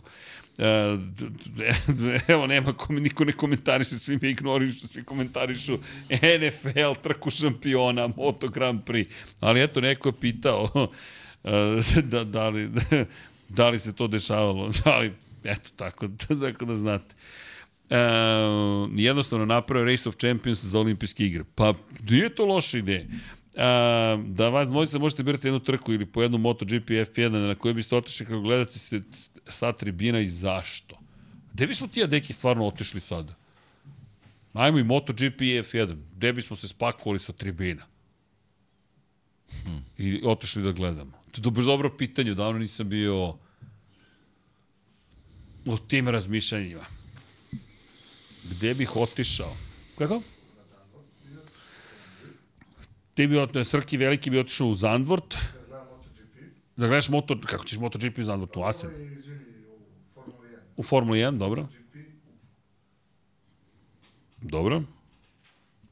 Crnogorski džedaj, kaže Sari Ristanović, prolazili su svaku trku i MotoGP F1 prema Srkiju topla preporuka za 90% trke. da, nemoj, nemoj ponovo, molim. kaže Branko Srki bi u Vegas. ne, ne, ne, ne, ajde, jedna trka samo. Pa, verovatno bih izabrao negde da nisam bio. Pa ne, ako pričamo o ovoj Znate. godini, ako pričamo o ovoj godini, Imola. Treba otići ove godine Imola. Imola. Da, da, upravo si, deki. Da. Ove godine ove godine imalo 30 godina od pogibe Artuna Sene. Što se mene tiče za, za Moto Grand Prix, Ma nema, ja bih no, Za Superbike smo rekli Cremona. Cremona za Superbike, smo, imamo, imamo gdje da spavamo, je. Pored staze, To je usavršeno, da. ne, a ne, ja bih ah, otišao opet u Muđelu. Moto Grand Prix, pa Muđelo. dobro, da, ajde kad smo rekli već, to je tako. Znaš, Imola Muđelo, to je. Muđelo. Jednostavno... Odemo Imola na peške do Muđela. Zbog prvike tako je nekako. Preprečimo po čizmi. Kod Ričone. ali, ali zašto, zašto bih otišao u Muđelo? Zato što verujem da će atmosfera ponovo biti sjajna. To je samo moje mišljenje, nemam pojma da li sam upravo ili nisam. I ima nečeg magičnog u tim brdima i kako sve to odzvanja i kako izgleda i kad se zategne vikend i ono što mi se dopada je tamo kad stignete znate zašto ste došli. Naprimjer, Barcelonu mnogo volim, ali Barcelona mi nikada nije imala tu atmosferu posle događaja. Posle događaja svi odu kući. Samo odu, da. Samo, Samo odu. nestanu. Nema nikoga, ljudi. Pa, znaš o čemu pričam? Izađeš na stazu, to je grad duhova. Jer to je staza koja je namenski sagrađena 20 km od Barcelone. I nema nigde nikoga. Nikoga. U Brnu, na primjer, je uvek bilo ljudi i posle trke, i posle treninga. Znam kad smo trčali pa smo se smejali. Što je park, da. da drugačije. Izletište. Izletište. A Muđelo, Tamo kad dođeš ne odlaziš kući. Le Mans isto bih išao. Le Mans ima sličnu atmosferu i ima dobru atmosferu. S tim što je Muđelo, tamo su kampovi u okviru staze. Za razliku od Lemana gde kamp izađeš sa staze pa pređeš ulicu, na primjer, Muđelo je kamp u okviru staze. I kada je dosta ljudi, kada je atmosfera na adekvatnom nivou, ne postoji bolja atmosfera. Ne možeš da izađeš iz... U Firenci? Ne možeš. Ne možeš. U Firenci ne možeš da izađe. To je Rosijev muđelo. To je Rosijev muđelo. To je nešto potpuno drugo. Ja se nadam da će Muđelo ponovo biti Muđelo Muđelo. Da, teško je ispratiti to posle, posle ere Valentina Rosija, ali sa svim ovim italijanima, Ducatijem, pričamo o Markezu, Akosti, dolascima novih vozača, činjenicom da ti imaš Ver 46 tim, seća se pre dve godine, kad je bio prazan Muđelo, stvarno je tragično bilo. I u lokalnom kafiću žena, žena bukvalno kaže Va, uh, Valentino Rossi je Muđelo. I ljuta je, jer nema nikoga, nema turista. Prazno je. Znaš, oni žive od toga, tebi dođu stotine hiljada ljudi napuniti sve moguće gradiće i gradove. I to ti je potpuno druga priča. Kad dođeš pritom u Muđelo, kažem ti si na stazi, to, to bruji celu noć, ceo dan, i onda odeš na tribine, ba to je haos. I još jedna lepa stvar u Muđelu, svaki put izađe na stazu po završetku trke. Svaki put si ti na stazi i odeš do gde god da sediš, ja već zamišljam da sedim gore, Kazanova Saveli, ja volim tu poziciju, ja to volim i to bi se popeo što više gore, da, zato što, da, lepo je biti blizu motocikla, ali ljudi to videti iz, sa prave razdanje, kad se sjure dole, pa pun gas dole na kompresiju za rabijatu 1 i 2 i nestanu tamo negde uzbrdo, ti se pojave odjednom i, i, i spuste nazad ka, ka Ducatijevoj tribini, pa onda tamo Bjendeti 1-2, zavisi šta se može da vidiš, ne znam sad, nisam dugo stavio na toj poziciji da znam kada je sad dograđeno šta se može da se vidi, ali, na primjer, Mizanu je lepo, ali ljudi u Mizanu vidite, nije brdo. kad je ravna staza, Asen, Mizano, to je teško je zagledati. Ti vidiš deliće. U Muđelu to je sve, a, nekako šašavo skroz. To bi bio moj, moj izbor. Stvarno bi bio moj izbor. Donington bih volio da sam doživeo. Nikad nisam bio u Doningtonu. Donington mi onako na snimcima delovao fenova. Znaš, spusti se kroz de, stari deo staze, pa to je haos, pa još uvek pada neka kiša, znaš da te čeka zabava neka tipično britanska. Volio bih i u Texas da odim, čisto da kako to i, te, te, kaže, Branislav Srki se triggeruje za muđelo. Da, da. Uh, Darko Trajković kaže, ali to subjektivno zato što si vozio posle trke po stazi kombi. e, to je najbolje kad te stvarno posle trke pošalju na stazu da izađeš sa staze, jer se sve rasklapa i ti na kombiju ideš po muđelu i razmišljaš da li da dam gaz da nastavim pravo, razumeš ili ne. Ali nije, nije, nije, nije. Nije, prosto tako je. To, to, to je neka staza koja meni zaista baš uzbudljiva. E, kaže Draga Matić, Mizano je ravan, vidiš jedan zavoj, to je to. To, to, je, to je zaista tako. U Mizanu više odeš, ne znam, posle odeš u čuveni, kako se zove onaj kafić gde je Markov motocikl, što ga pale svako veče. Zaboravim se sad kako se zove. To mi isto jedan od događaja. Ali to mi je život po, to, pored staze, to nije sama staza. I Mizano je sličan. Mizano se isprazni, svi odu po lokalnim mestima i to je to. Filip Island, ostro Filip? Da, apsolutno. Otišao bih sutra, ali bit će prilike, nadam se. Monako najbliži bolidima. Marko, da, i Monako bi bio zanimljiv. Da li ćete ići na izložbu Formula 1 u Beču drugog drugo i da li ste gledali film Gran Turismo? Gledali film, bili smo klasični mapetovci koji su kritikovali produkciju jedina dva čoveka koji se čuje biskupu. Ovo nije Le Mans, ovo je Hungaroring. Šta je ovo? Koje su ovo tribine? Znate one dvojice? No, dobro, snimali su spot. Da, snimali spot. Dvojicu deda koji sede i... Šta je ovo? A svi oduševljeni. Jo, kakva priča, ovo je fenomenalno. Da, šta, molim, u suprotnom smeru voze, ovo je nemoguće. Gde je ovo levi krug? Tako da, gledali smo. Uh, kaže Dušan Glavnić, kaže ja sam bio u Mizanu prošle godine i kod vas na SK vidim vozača u svakoj krivini, ovako sam ih vidio od prve do šeste, ali zvuk je osjećaj nevjerojatan, jeste. E, idete li na promociju Ducatija? Opet ne znam. To, to, saznaću, ali kada je reč o da li ćete ići na izložbu, pa mogli bismo da u izložbu. Beč. De... Mogli bismo. Srki, šta radiš 2. februara? to posao, vidi, posao. I... E, što se tiče promocije Ducatija, saznaćete, saznaćete gde smo i šta smo. Ja bih u Kazahstan ili Indiju. Toni, Sony iz Amerike. A, Toni, mi malo kod vas u Ameriku da svratimo. To je bilo zabavno. Da... Zandvort, Max Verstappenov dom. Pa jeste, zato mislim da Srki hoće dode da vidi tu atmosferu, pretpostavljam. Dekiju se ne ide. hmm. Otkrićemo vam 22. februara zašto se Dekiju nije išlo. Zapamtite, vi nije drugi drugi, nego 22. drugi 2024. To zapamtite. Jel može, Deki? Može. Pritisak. Preša. Pre, preša. Preša, kuka. Pre, pre, da Srki mi oporavio se, neki, bio je bolestan sad je, ček da pitam naše, najčutljiviji gosti koji smo ikad imali, koji samo gestikulacija, nema priče, je vam okej? Okay? Se lepo zabavljate. Dobro, to je najvažnije. Se ne znam da li gospodin tamo je prešao neki YouTube, drugi YouTube kanal ili nije. Planira put nas. Planira put nas. uh, izvinjam se, ali dobro. Uh, da li znate nešto o Filipu Jeniću, gde sad vozi? Nisam dugo čuo ništa. Za... Pa, nažalost, Filip je prošle godine naprasno ostao bez glavnog sponzora u momentu kada je trebalo da se produži sezona u Formuli 4, tako da je celu 2023. izgubio. Bukvalno. I teško je vratiti se posle toga. Ja se nadam iskreno da će nešto, nešto čudesno desiti u 2024. Ali je teško od momenta kada imate pozive timova, vi zaberete neki drugi put, dobijete neka uverenja ili neke informacije će biti drugačije nego što mislite. Znate kako to, to mi je lutrija. S jedne strane možemo da se pitamo, dobro, što niste potpisali, pa onda verujete nekome da vam govori nešto da će se desiti i čekate neki ugovor i dogovorili ste se prosto s nekim. Ne dobijete taj ugovor, a ostale prilike su prošle i vi dođete u situaciju da sedite i čekate neku bolju priliku, neko bolje vreme. Nije nikakva tužna priča, to je stvarnost, Filip je jedan divan momak, divno dete, mi se nadamo da će nekim čudom nekako da se preokrene situacija, ali ljudi propustiti jednu sezonu u tim godinama, biti bez dana trkanja praktično, pogotovo posle španske Formule 4, deki, ja ne znam kako, kako se poraviš od toga, stvarno. I imate svi pozdrav od Filipa, čujemo se mi s vremena, dopisujemo sa Filipom, Filip, šta da, šta da kažem, mogu samo da, da voleo bih da sam multimilijarder, stvarno bih postao milioner, milioner vrlo brzo, ali bi Filip imao formulu. To je sve što ću da kažem. I vozio bi broj 76. Eto. Ali, nažalost, nije dobio tu priliku i eto, sponsor se povukao i to je to. E, Marko kaže, vozio sam Ferrari F40 u Assetto Corsi u Muđelu.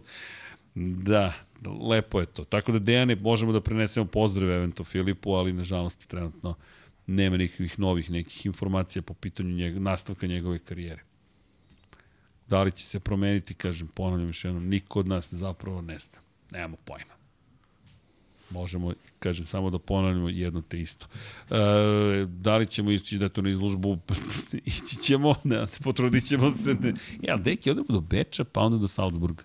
Hangar 7. Šta fali? E, e, koga će ti birati ove fantaziju za ovu sezonu? O, ka... Dobro. Ne, ne, imam nešto. ne, pehare, pe, pehari, vidjet ćeš, napravit ćemo izlužbu pehara.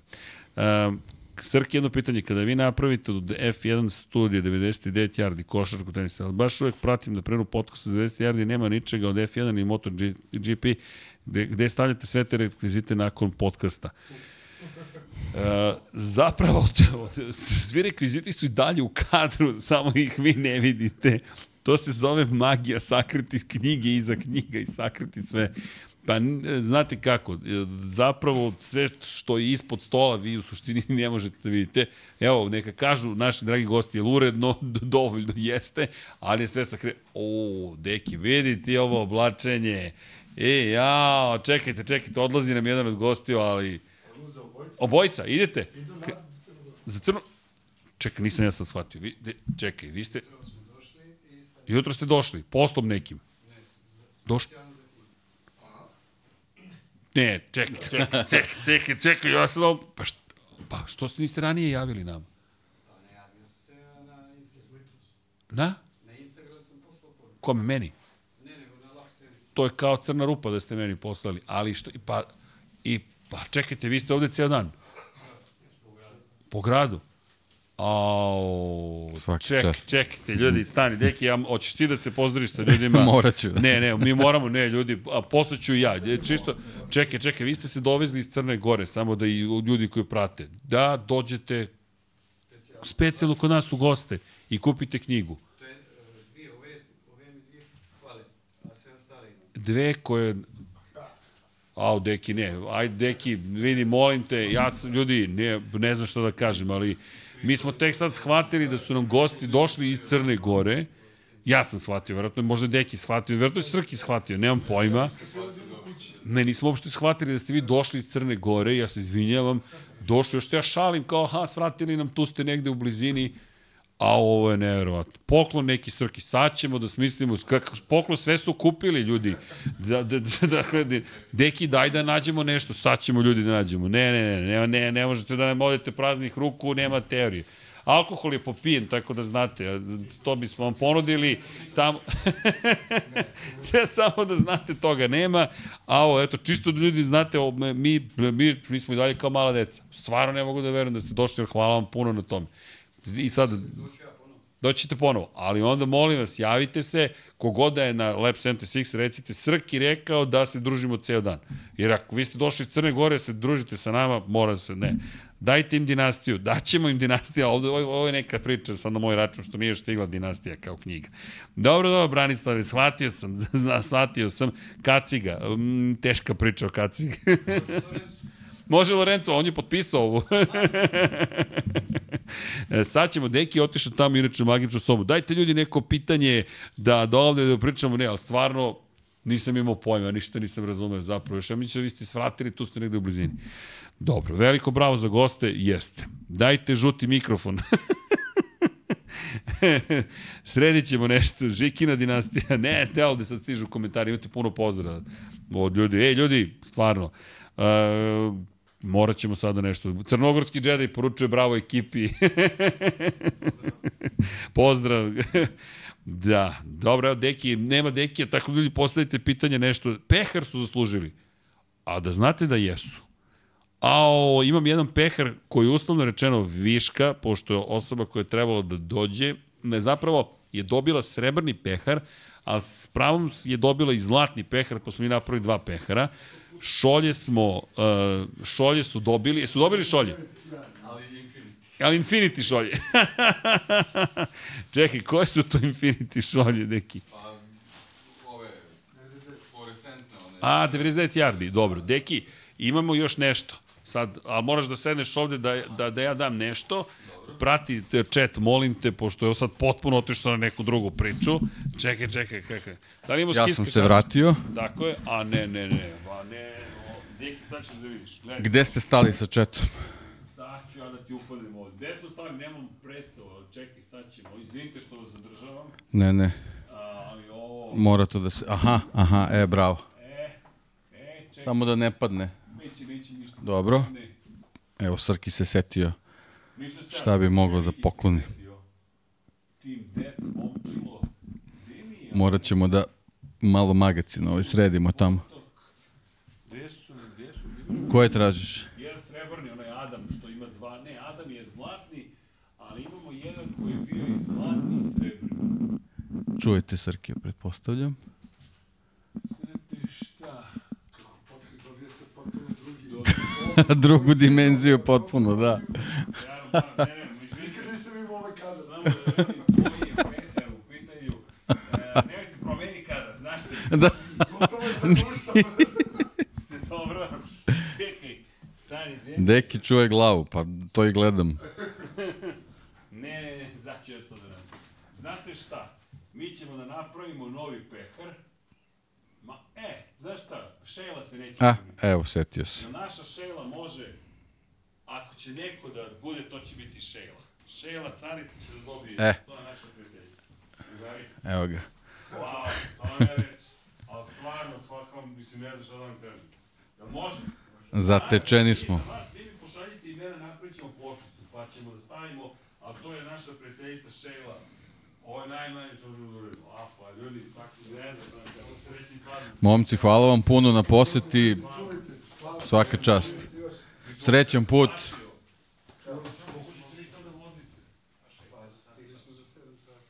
Pa šta je to?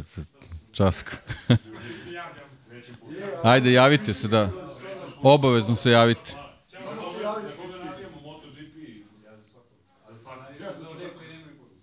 A, bravo. Navija se za svakog, posebno za one koji nemaju pobedu u Moto Grand Prix. Vidi, ako se desi Aragon ponovo, onaj 2020. Ono je Aragon, jao kako smo se radali. Nikad više. Nikad više. Momci, hvala puno. Srećan put i da se javite obavezno. Obavezno se javite kad dođete, molim vas. Hvala. Svako dobro, ljudi. Ovo je baš, baš veliko iznenađenje bilo, stvarno. Nisam imao pojma, deki, ja se Pa, pa, pa, ka, sa momci da sede pao. Sede koliko su fini, Čutljivi, pristojni. fen, fenomenalni. Ja sam mislio da to nešto... Da mi su Tako je, sede, da, malo se ja. družimo. Skapirao. Pa da, ja nisam skapirao da su došli Ne, oni su samo ustali i rekli, pre odo smo podcast. nazad. Ja kao, da gde je sad Crnu Goru? stvarno. Okej. To, ne znam šta Svakim danom nas iznenađujete svi, zaista. I hvala vam na tome, mislim, ali stvarno neke stvari onako baš dodirno. To šta se dešava? Do Todore došli dragi ljudi iz Crne Gore, Witching Hour otprilike, Da. dovezli se da bi kupili knjigu. I Dakle, sad su krenuli nas. sad su krenuli. Šta su, šta su kupili? F1 šampioni i I- Mislim da je, da je uzeo onaj, šta je, uh, vodič? da. Čini mi se, pošto je...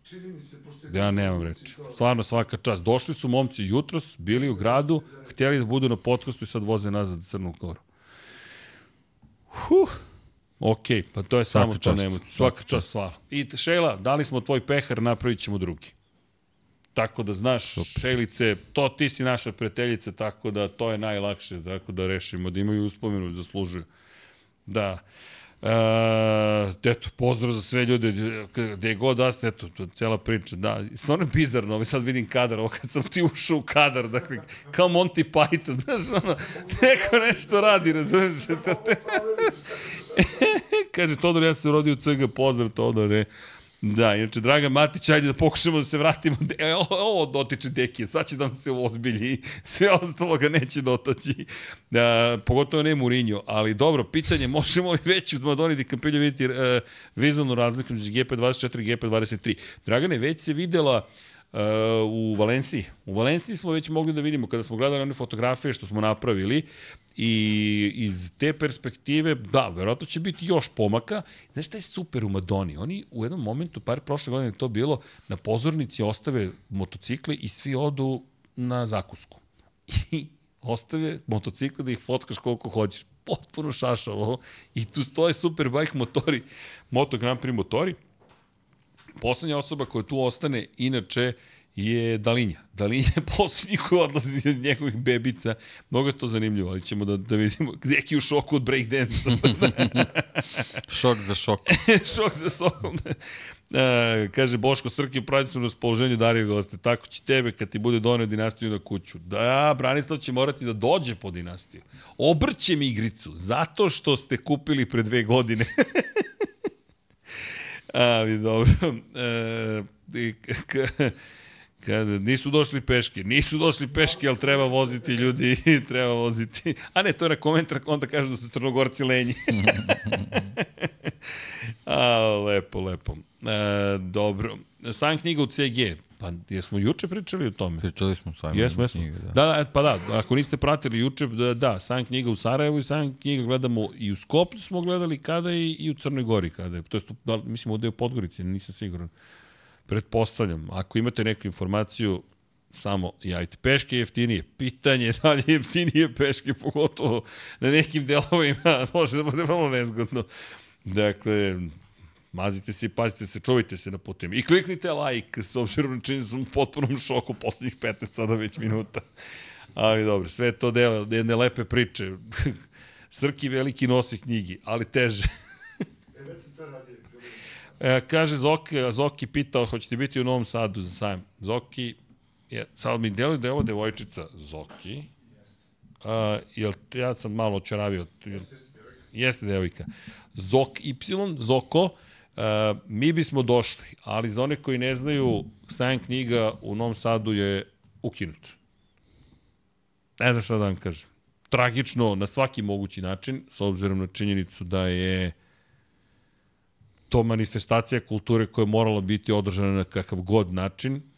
Prošle godine nam bilo mnogo lepo na sajmu knjiga u Novom Sadu.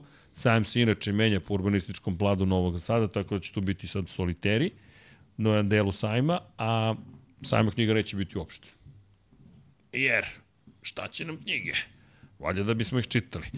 Ali to je sad neki moj, moj, moj lični moment. Zaista, mene to mnogo pogađa, jer zaista mislim da da je tako malo potrebno da bude mnogo bolje. San knjiga je jedna lepa zaista manifestacija. I treba da bude besplatno ulaz za san knjiga. Da ljudi što više mogu da napreduju i da se obrazuju i da uživaju i tako dalje.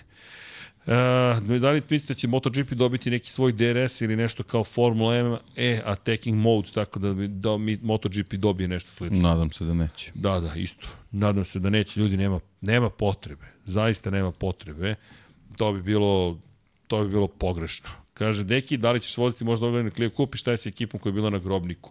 Pa ekipa koja je bila na grobniku i mi pokušamo nekako da se sklopimo, ali št, svi zajedno smo, ne bi mi čudilo da je miksa u u trenutno u možda i u podcastu, ali to je do nas malo činjenice da su nam se proširile obaveze prošle godine, dovelo od toga da manje smo nekih stvari stigli da uradimo ove godine. Čak ne znam ni kako bismo se ove godine ikako organizovali, deki. Toliko stvari za uraditi da, da je baš, baš teško. Tako da ni, nisam siguran da ćemo da ćemo tako nešto uspeti da organizujemo da, da se ozbiljimo svaka čast ljudima iz CG, svaka čast vama koji ste svima što radite zaslužili svime što radite zaslužili ovakve momente. Ma lako hvala. ćemo za nas, hvala vama i svaka čast svima, mislim, neverovatne su stvari da ljudi prevaljuju tolike kilometre zbog nas, mislim, stvarno. Ovaj, ne, ne znam koju reč da upotrebim, oduševljen, zatečen, Pa mislim da je sve, zatečen. sve, sve, da. Zatečen je naj, najprikladnije. Evo da malo un, u- une ozbiljim. Deki dobije pitanje, Srki odgovori. To je okej, okay, potpuno. potpuno je okej. Okay. Deki, da li ćeš voziti Clio Cup? Pa neću, nisam ni pro, prošle godine. Twingo kup. Twingo kup. Ali ne verujem ove godine. Da. Ne, ne, ne, ne. Uopšte mi nije jasno kako bismo to izveli. Ja ne znam gde je vreme da nađemo, ali dobro. Uh, Ali je bilo sjajno, mislim, stvarno. Jest. Uskoro godinu dana, čoveče. Kaže, Deki ekipa idu da voze Srki da streamuju iz Čile, kao prošle godine. Stvarno je bizarno. Ali je super funkcionisalo ali sve. funkcionisalo. Ja, ja sam host. Srđan koji van, van tela, pošto mu duša spava. Lebdi iznad sebe i komentariš Ne iz Čile. jesi primetio? A ja u četiri ujutru ustao, no, nema, Šapući. nema ni komšije, nema mačaka, nema nigde niko. E, dobro došli, lep 76, evo me u bašti, nemam bolje, pri- nemam bolje mesto za ovo. e, da, Boris Mančevski, pitanje oko, spo, oko ne spo, sponzora, sanja sponzore, oko favorizovanja vozača. Pa ne možemo nikoga da... Ne možemo, ljudi, mi volimo da se igramo nekih nagađanja. Neki čak i ne volimo, sa, on zna, on ne pogađa, on zna. No, on čovjek je kao i Paja. Ajde, ajde, Jose, to ti je sad zapotilo da ti odmah kažem. Ali je činjenica da, da nekako ne znam, kada pričamo o tim najavama, teško je bilo šta reći, zaista. Inače, uh, kaže, kada će taj Tomaha Vroštilj stream, čim stignem do Čile, a nemam pojma ni da će stići, ali ja sam Burazeru najavio, slušaj, ti, ti ja snimamo kako pečemo tomahavke, tako da znaš, prvi... U, sećam se toga. Se sećaš, prvi cooking, najavio, da. prvi cooking podcast.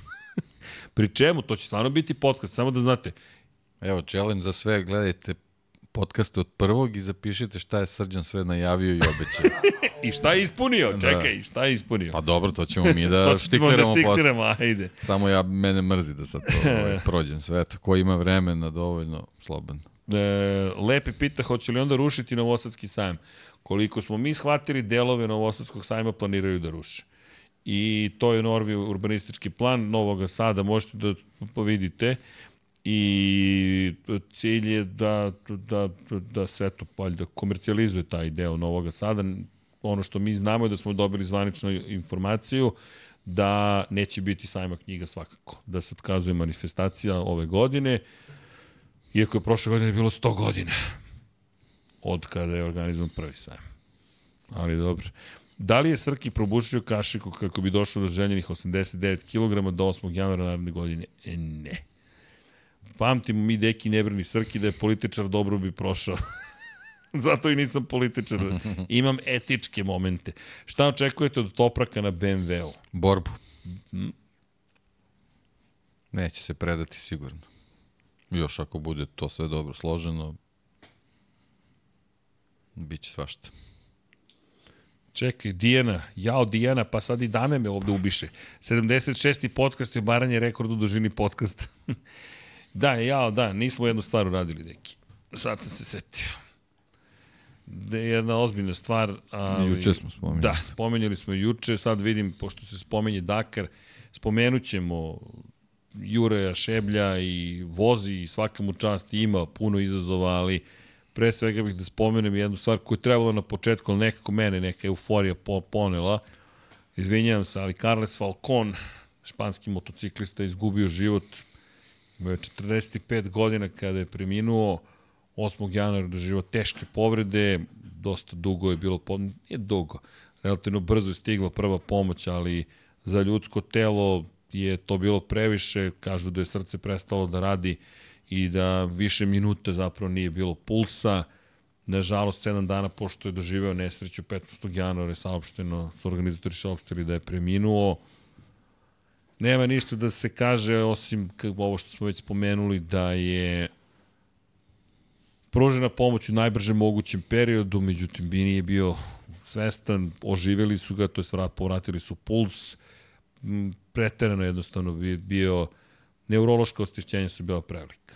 Jednostavno oživjeli su telo, ali sam um nije više bio funkcionalan na način na koji bi ste poželeli bilo kom svesnom biću, tako da jednostavno usled posledica tog pada, to jest odsustva bilo kakvog pulsa, to se zove kardiorespiratorni napad je doživeo, smo došli od toga da nažalost imamo tragediju. Nažalost nije ni očekivano na Dakaru, ali nadali smo se da ćemo to nekako uspeti da izbjegnemo. Ono što su informacije koje smo dobili jeste da je to prosto čovek koji je bio instruktor motociklizma, bio je turistički vodič u slobodno vreme, ali je zvanično bio IT inženjer. Dakle, čovek koji se bavio informacijalnim tehnologijama, a ovo je bila strast. I prosto porodica je tražila zajedno sa ekipom da se poštuje njena privatnost i neće biti nekih dodatnih sad, ne znam kakvih manifestacija, ali činjenice da mi možemo samo da izvimo saučešći da kažemo da nam je strašno žao. Opet stravična cena sporta koji, koji toliko volimo i eto još jedan gubitak. Šta drugo da kažemo nego da ćemo se truditi nekako da zapamtimo, ali previše imena da kažemo će svakoga, da ćemo se svakoga setiti ili zapamtiti, no činjenice takođe treba da odamo počest ovom čoveku, tako da eto, moment da, da spomenemo zapravo takmičara koji nažalost više nije sa nama. Nemam ništa da dodam, deki. Stvarno. Baš tu. Apsolutno, da. Ali to je nekako taj deo priče koji se trudimo da zanemarimo, Nema, ne, ne trudi se da zanemarimo, koji se nadamo da nećemo morati da spominjemo, ali da, Carles Falcon nas je to napustio. I da, planeta se dalje vrti i smejaćemo se i trkaćemo se i takmičićemo se i Jura i Šebelj zaista vozi sjajno. Mi smo rekli Jure ako stigne do cilja, to je ljudi ne uspeh, to je mega uspeh jer Dakar stvarno čak evo ne govorim nije kako prenesem znači treba ga preživeti, treba ga pregurati ko to nije prošlo, ne znam. Mi ne možemo da kažemo dovoljno dobro o čemu se radi, mi možemo samo da prenesemo ono što su nama rekli, oni koji su učestvovali, imali ste priliku pre dve godine, evo ovde smo imali Gabra Sagmajstera u poseti koji nam je objašnjavao i kako to sve funkcioniše i kako se vrši navigacija kroz pustinju i možete da čujete prosto utiske, bukvalno stići do cilja je veliki uspeh. Tako da Juraju mi želimo svu sreću, idite na Jurin i YouTube kanal i Instagram, podržite ga, verujte, pa kao, na, kao što mi padnemo ovako u nesvet, zato što je neko došao da, da, da provede vreme sa nama, možete da zamislite nekome koji negde u pustinji kada dobije neku lepu reč u momentu kada ne znam, ko zna koji problem već ima. Da, Jure u nekim godinama kada je dosta zreliji nego kao kad smo klinci, ali opet, ali značajna svaka lepa reč. Ne radite to zbog para, verujte. Tamo ćete da ostavite mnogo više para. Tako da, eto, pozdrav za, za, za Juru i nadamo se da nadamo se da će nam doći u goste. Zvali smo ga negde načelno rekao, ma doći ću samo da prođe Dakar, ali čujte, ne, ne, neću ni da kažem držimo ga za reč, zato što to ne bi bilo to ne bi bilo pristojno, prosto čovjek je u nekom svom, da kažemo, momentu i da će uspeti da dođe, mi se nadamo da hoće, ukoliko dođe, bit će to jedna divna priča. Ali da, Dakar, eto, odneo još jednu, nažalost, žrtvu šta da radimo.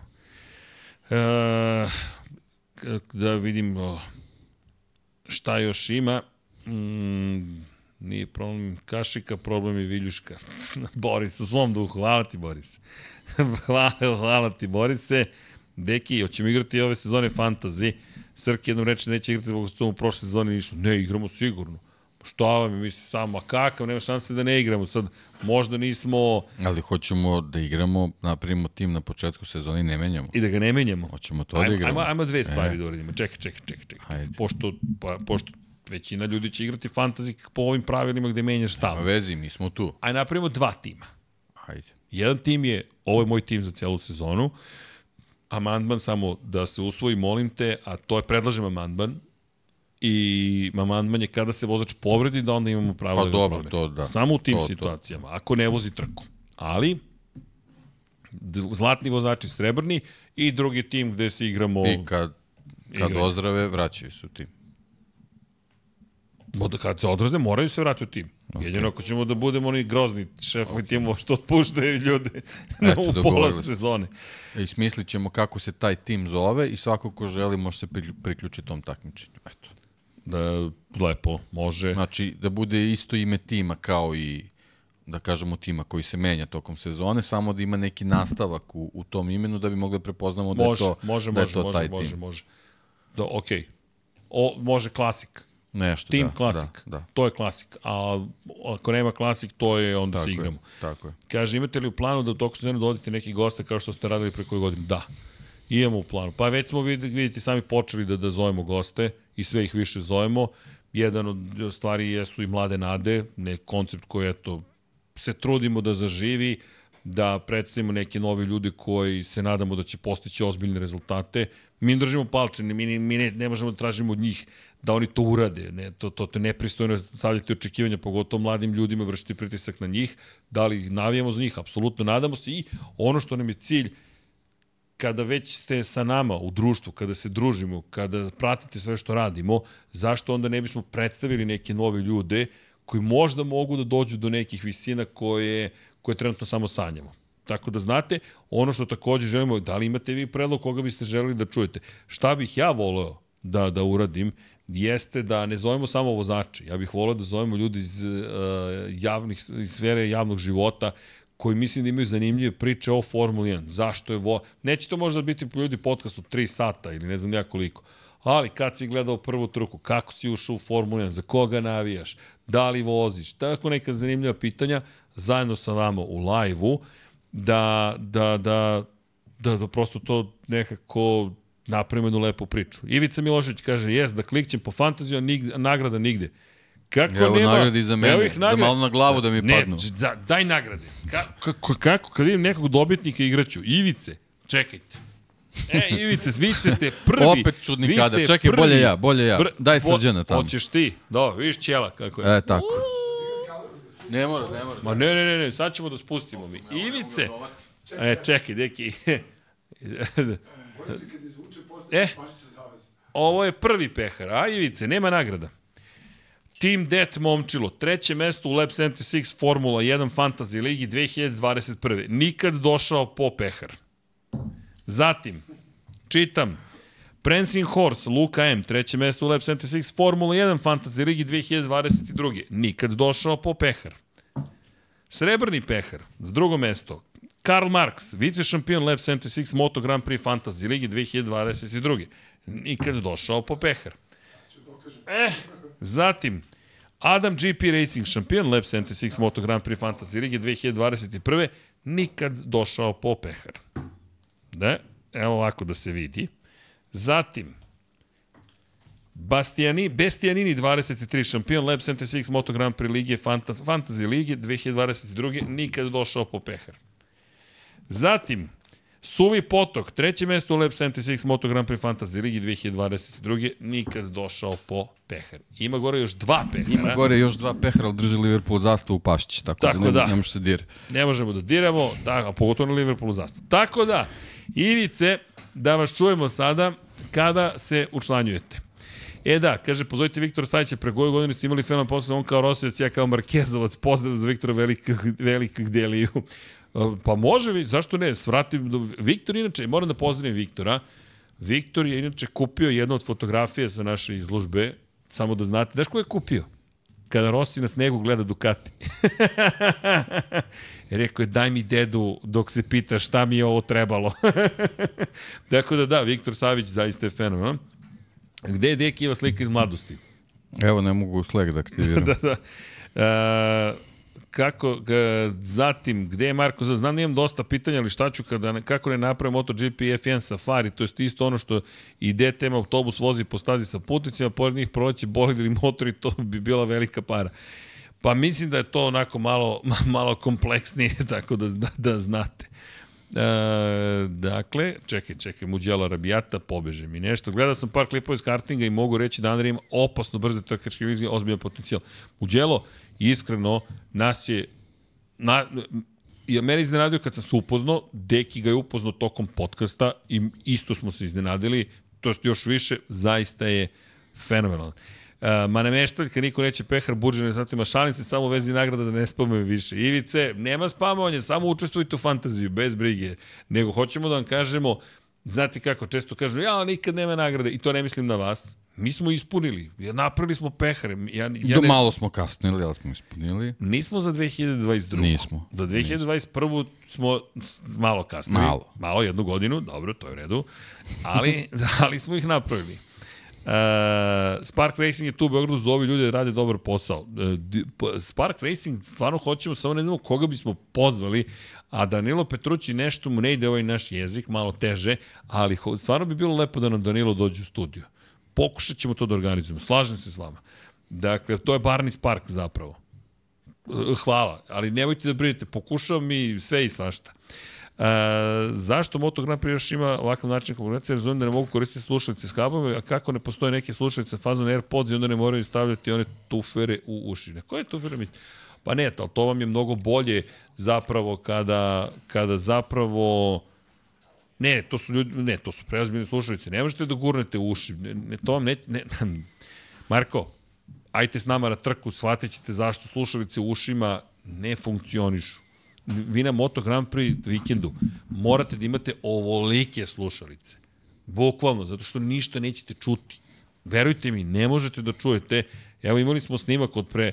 Čekaj, deki, ja sad ću pošaljem Srkiju snimak da vidite o čemu pričamo. To, dek, to je, to je nivo, nivo besmisla je ozbiljan. Zaista. Um, ne. Samo.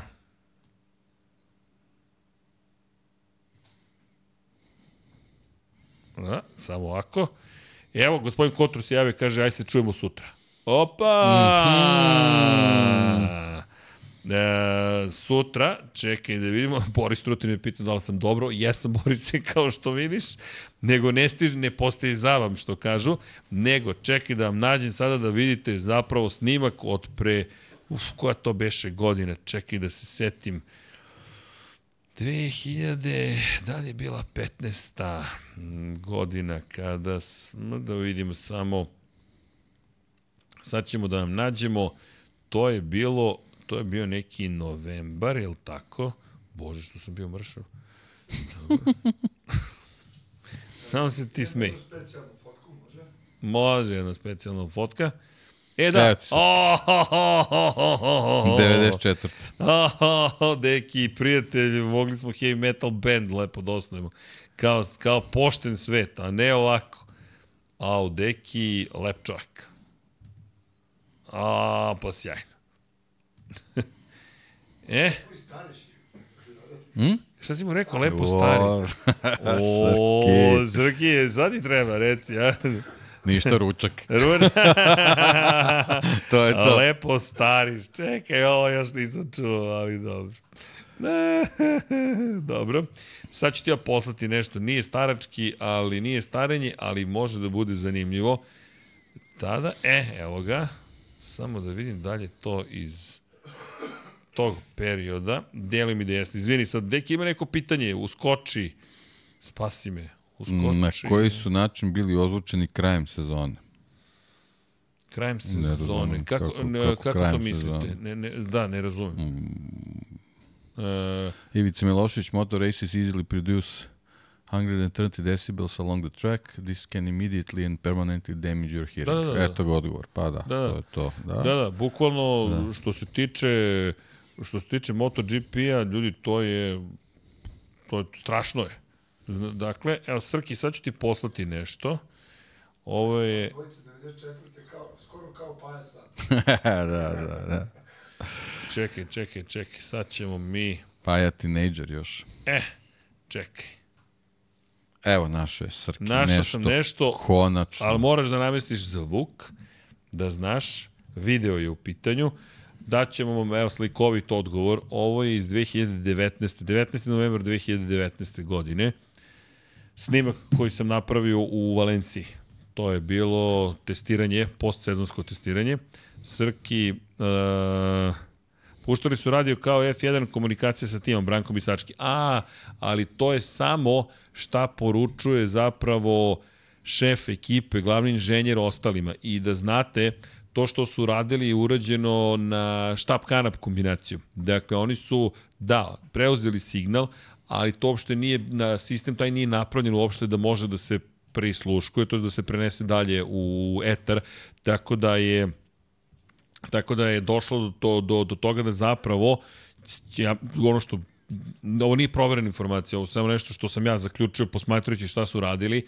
Moje mišljenje je da će oni ove godine imati mnogo bolju komunikaciju i da ćemo češće slušati zapravo glavne mehaničare inženjere šta pričaju, ne i vozače, pošto oni nemaju audio komunikaciju, bilo bi, čujte, kada vozači Formula 1 traže da se ne komunicira s njima u krivinama, Max Verstappen baš je poznat po tome, to je Andrija isto rekao, samo zamislite nekom vozaču Moto Grand Prix da se inženjer obrati u trenutku kada je on u krivini.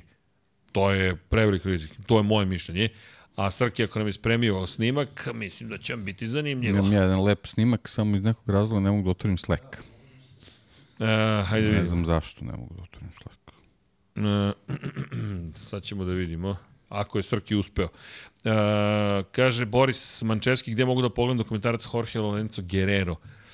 Ne znam, možda na MotoGP.com, ukoliko ste pretplatni. Nema na YouTube-u, ne? Da, ratnik, n- pf, ja znam da smo ga mi sinhronizovali pred četiri godine, ali to je bilo, u tom periodu je Dorna ustupila prava za taj film zato što je bio COVID i onda su rekli dajte šta, šta nam treba, šta? Da da.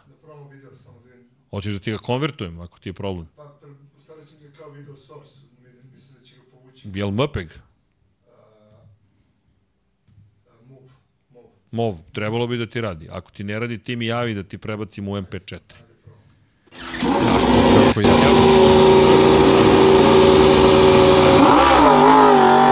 Dakle, prekini, prekini, prekini. Zvuk, zvuk, moraš zvuk da imaš. E, to ti je, mislim, možda ti desktop audio, ili ne, source mora da ti radi. Sredit ćemo, bez brige. Ne, ne, okej, okay, samo da vidim gde je desktop audio mi je uključen. A ne, nije ti to, možda ti QuickTime ne radi, kako god sredit ćemo ti ga. Jesi uspeo, ali zvuk ti je tamo na audio mikseru. U OBS-u audio mikser.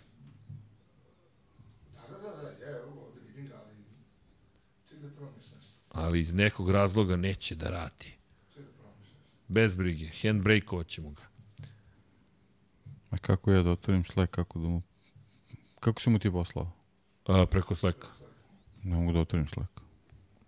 Bojkotuje. Aj pošalji mi nešto pa me taguj samo da, da, Čekaj, mi, sad ćemo da da me da. aktivira, da vidim šta je problem. E, te, Dežan. Nešto bilo što. Evo, poslao sam ti. Srki, sad ću ti poslati MP4. Možda će ti tako raditi.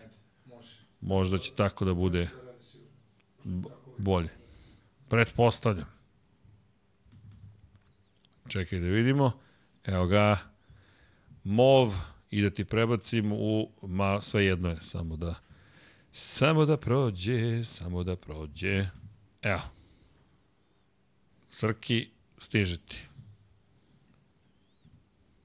Samo da čujem. Evo, ima kod mene zvuk, trebalo bi da sad ima kod te. Kakva drama, koliko smo napravili ovde drame da se nešto prebaci.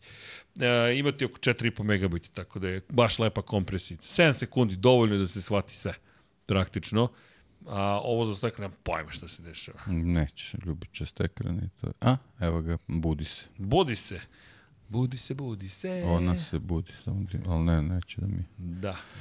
Dobro. Ne, sad će Srki da nas ovde obraduje i to je to. Ja mislim da su ti ja u, u mega šoku i dalje od, od kad su i momci otišli. Da. Bukvalno. Si uspeo, Srki? Teška priča, a? Zadali smo ti nemoguć zadatak. Jedan pojma sve bi trebalo da radi. A onda ga pusti, pa će... Mora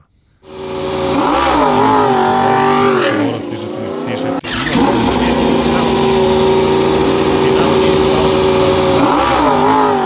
Zastavio. Nisi nama pustio output, nego si stavio samo da ide output only. Ideš na sources i izabereš da je monitor off. Nego mi nemamo pojma. Drama ni za šta. Izvinite, nisam znao MD univerzum, mi nismo dobili zvuk ovde. Sad izvini što ti ja... A? Koji monitor off? E, Deki, preuzmi situaciju. Preuzmi situaciju. Samo da odem na chat, pošto sam trenutno u Slacku, koji neće da radi.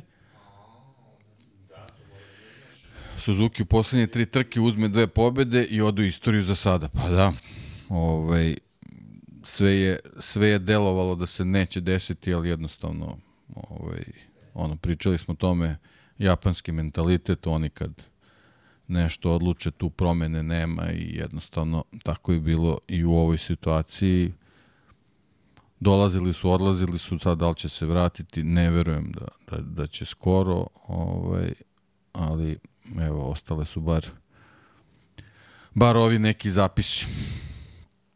Bio je ton, da, da, bio je kod vas ton, ali mi nismo čuli i sad Crki pokušava da da oživimo, da i mi nešto čujemo, ali teško. Glasan je Suzuki, to vi znate, ja nisam čuo, tako da ništa. Evo, kaže Božo, ima zvuka, morao sam da stišam da ne probudim ukućane. da. E, sad, gde ste vi sve prošli? E, jel možemo? Ajde da čujemo. Opet ja neću čuti. Smanjite ako vam bude preglasno.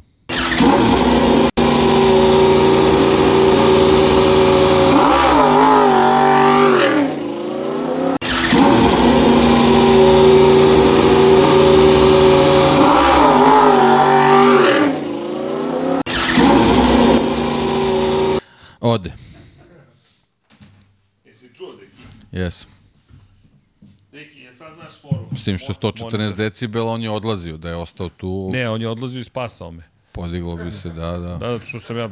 E, sad poslao sam ja ovaj jedan da se vidi, ovaj, sad Da, samo nemam pojma da li, ne, relaunchao, ko zna Osam deo je. univerzum. Nije drama ni zašto, nisam znao. Izvinite, izvinite.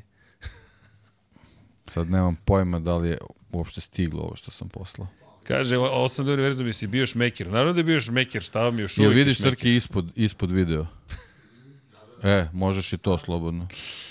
Ja, Da, da, da, pusti to čisto, eto, to je ono kao e, da evociramo kako izgleda i start. Kad svi ovaj odvrnu svoje mašine. E, opet stišajte, pošto je kasno, ako spavljujete decu, izvinite. da beba koju spavljamo, probudili smo je. Da, nisam bio play game i rekao bio to, svi su reagovali. Uh, samo 114 decibela, da, da. Stišajte.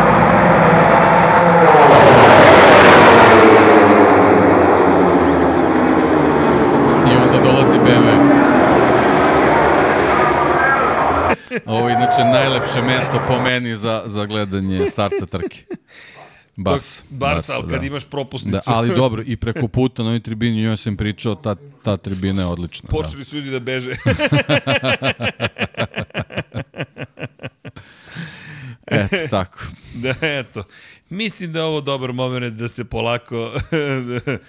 No, da, inače, za apropo gubitka sluha, većina ljudi ima oštećen sluh koji radi u Moto Grand Prix. Trajno, da znate. I to jednostavno je gotovo neminovnost. Um, izvinjam se svima koji smo razbudili to, to, to, s obzirom na činjenicu da nam to nije bio plan, već da časkamo šta da radite. Um, inače, Boris pita Srki kako je bilo u Valenciji 2015. godine na finalu, kakav je bio ambi- ambijent kada, kako je proteklo tih 3-4 dana jesi li prenosio trku stojeći. Je, gledam podcast na TV, probudila se cijela zgrada od zvuka. Izvinite, Boris. Izvinjavam se zaista. E, dakle, evo, trudit ćemo se buduće upozorenje, učimo i mi učimo ovakve stvari. Redko kad imamo zvuka, ali ovo, ovo su tek, ovo su neki te snimci koje imamo. Kakvi party breaker, ko je party breaker? Mene, de, pa smo otišli 8D univerzum, mi smo i dalje tu, mi stalno pričamo da ćemo odemo i nikad ne odemo. ali, javim se kad budem čuo. Pa jeste čuli? Sad ne razumem. Ja sam čuo. Je, jesu, jesu, jesu. Čuju. Osam de univerzum, ili se šalite za nama ili nas trolujete ili nešto treće, ali recite nam ozbiljno da ste čuli. Pitanje za nekih, eh, zbog koga je zavolio Cincinnati? Bengals. Uh, pa, izuzetno mi simpatično bilo ime Boomer Esiason, ali sam generalno ovaj, više obratio pažnju na njih zbog intro muzike Guns N' Roses. I onda sam počeo da ih pratim tako. Eto, to je, to je bila veza. I to je, to je ljubav. Tako je. Izgubio sam sluh. Ali Boomer je generalno bio to prvi koji ono... Neka, samo se šalite, sve je u redu. Ali eto, lepa priča. Bu, tako te veš za nekog čoveka, Pa da, kreneš da pa navijaš. da, eto. Da, tako, to je stvarno tako je lepo. krenulo. To je stvarno lepo. E, ljudi, šta da vam kažemo? Dakle, kada odgovorim na pitanje da li je e, RB7 bio glasniji od Moto Grand Prix. Znate šta, formulni atmosferci su glasni od svega, osim od motora od 500 kubika, koliko smo mi dobili informaciju. Nisam bio na trci od motora od 500 kubika, ali ljudi koji su bili, naši dragi fotoreporteri, Miki Antić mi pričao, kaže, samo se tresla zemlja toliko strašno na startu 500 kubika da njemu zaista nije bilo sve jedno. Tako da Formula 1 je apsolutno bila najglasnija, pogotovo V10-ke. To je, to je ljudi, frekvencija je tako visoka, to sve vrišti, ali 500 eto nismo doživjeli, tako da to ne možemo da vam kažemo, ali eto, Miki koji je legendarni fotoreporter je rekao, Srki, veruj mi, ni Formula 1 ne može da se poredi sa startom od 500 kubika.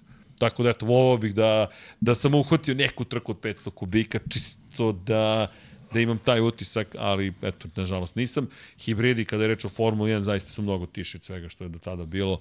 Drugačije je Formula 1 danas, svakako, ali ima svoju lepotu, naravno.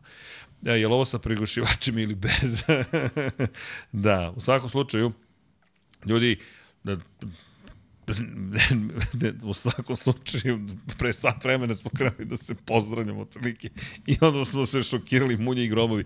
Ali verujte, ovo je, ali znate šta je još lepše, šta vas još više, za, za kako se zvao,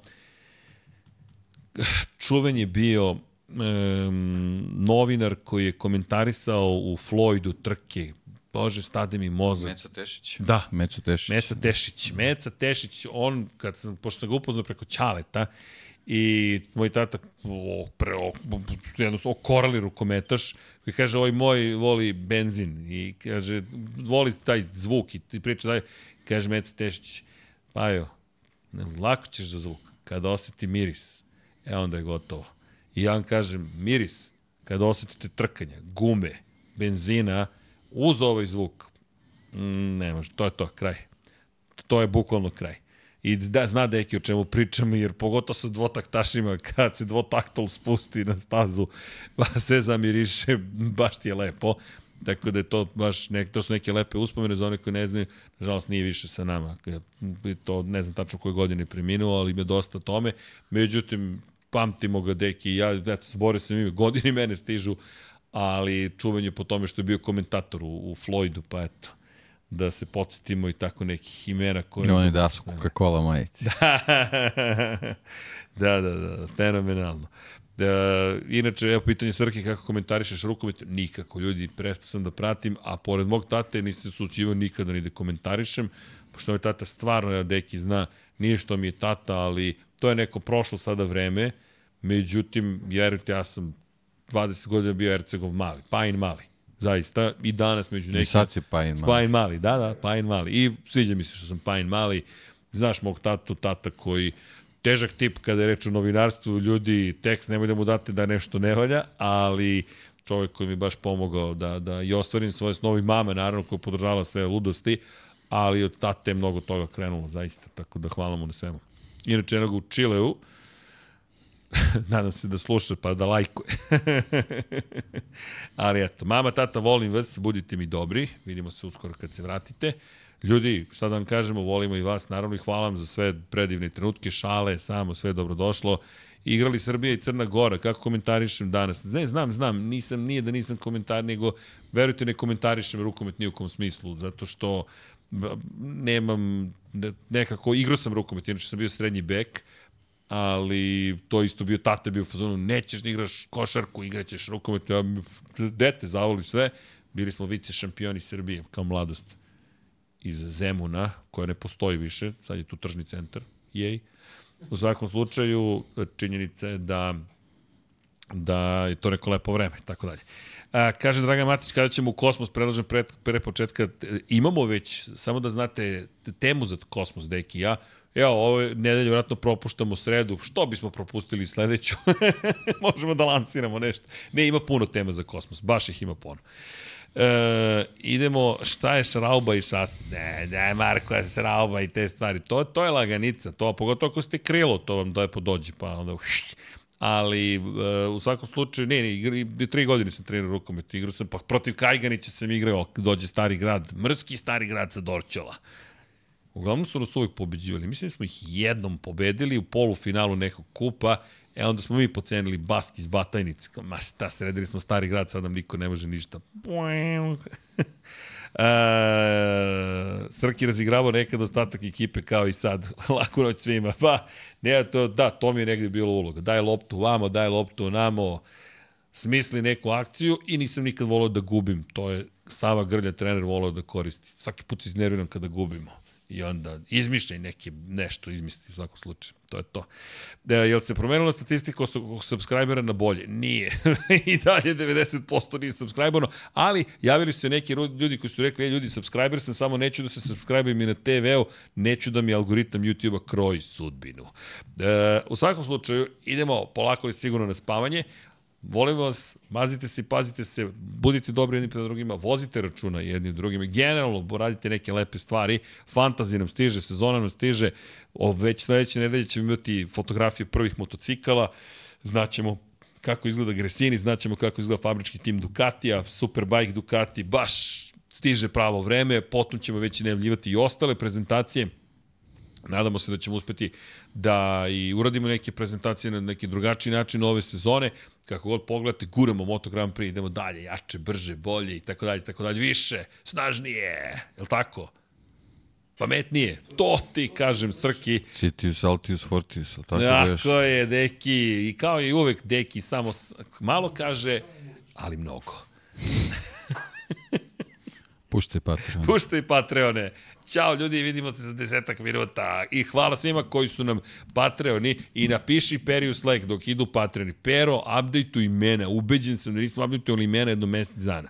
Sine Perice, molim te sredi da i stignu sva nova imena, da svim ljudima odamo dužno poštovanje i poseban pozdrav za ekipu koja se dovezla iz Crne Gore da bi kupila knjigu u Infinity Lighthouse-u, malo se družila sa nama i sada je negde na putu kući. Srećan i pre svega miran put ljudi i srećan rad sutra kad god da radite i kad god da stignete kući. Stvarno, hvala vam, ulepšali ste nam već svi zajedno.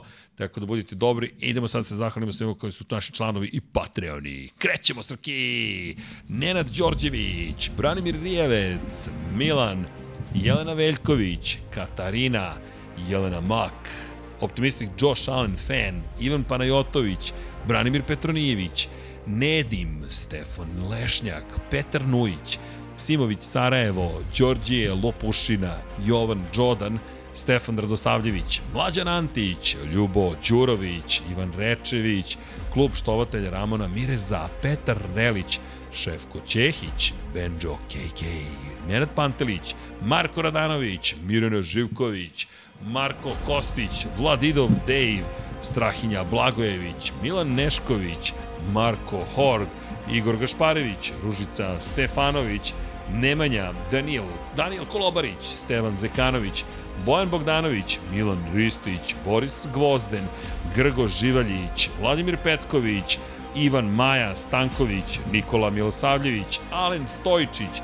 Sead Šantić, Đorđe Andrić, Laslo Boroš, Bogdan Uzelac, Ivan Ognjen Ungurjanović, Stefan Dulić, Đorđe Đukić, Renata Neš, Vladimir Stojadinov, Mihovil Stamičar, Armin, Mario Jelena Komšić, Danka, Bojan Majstorović, Lufonac, Šmele, Davor, Goša 46, Aleksandar Milosavljević, Kovačević Omer, Miloš Prodanović, Đorđe Milanović, Denis Špoljarić, Branimir Kovačev, Predrag Simić, Sava Dugi, Anonimus Donatorus, Marina Mihajlović, Mladen Mladenović, Marko Ćurčić, Stefan Vuletić, Dejan Vujović, Dušan Ristić, Branislav Dević, Boris Erceg, Stefan Milošević, Vučinić Miroslav, Jugoslav Krasnić, Dušan Petrović, Marko Petrekanović, Vukašin Jekić, Ivica,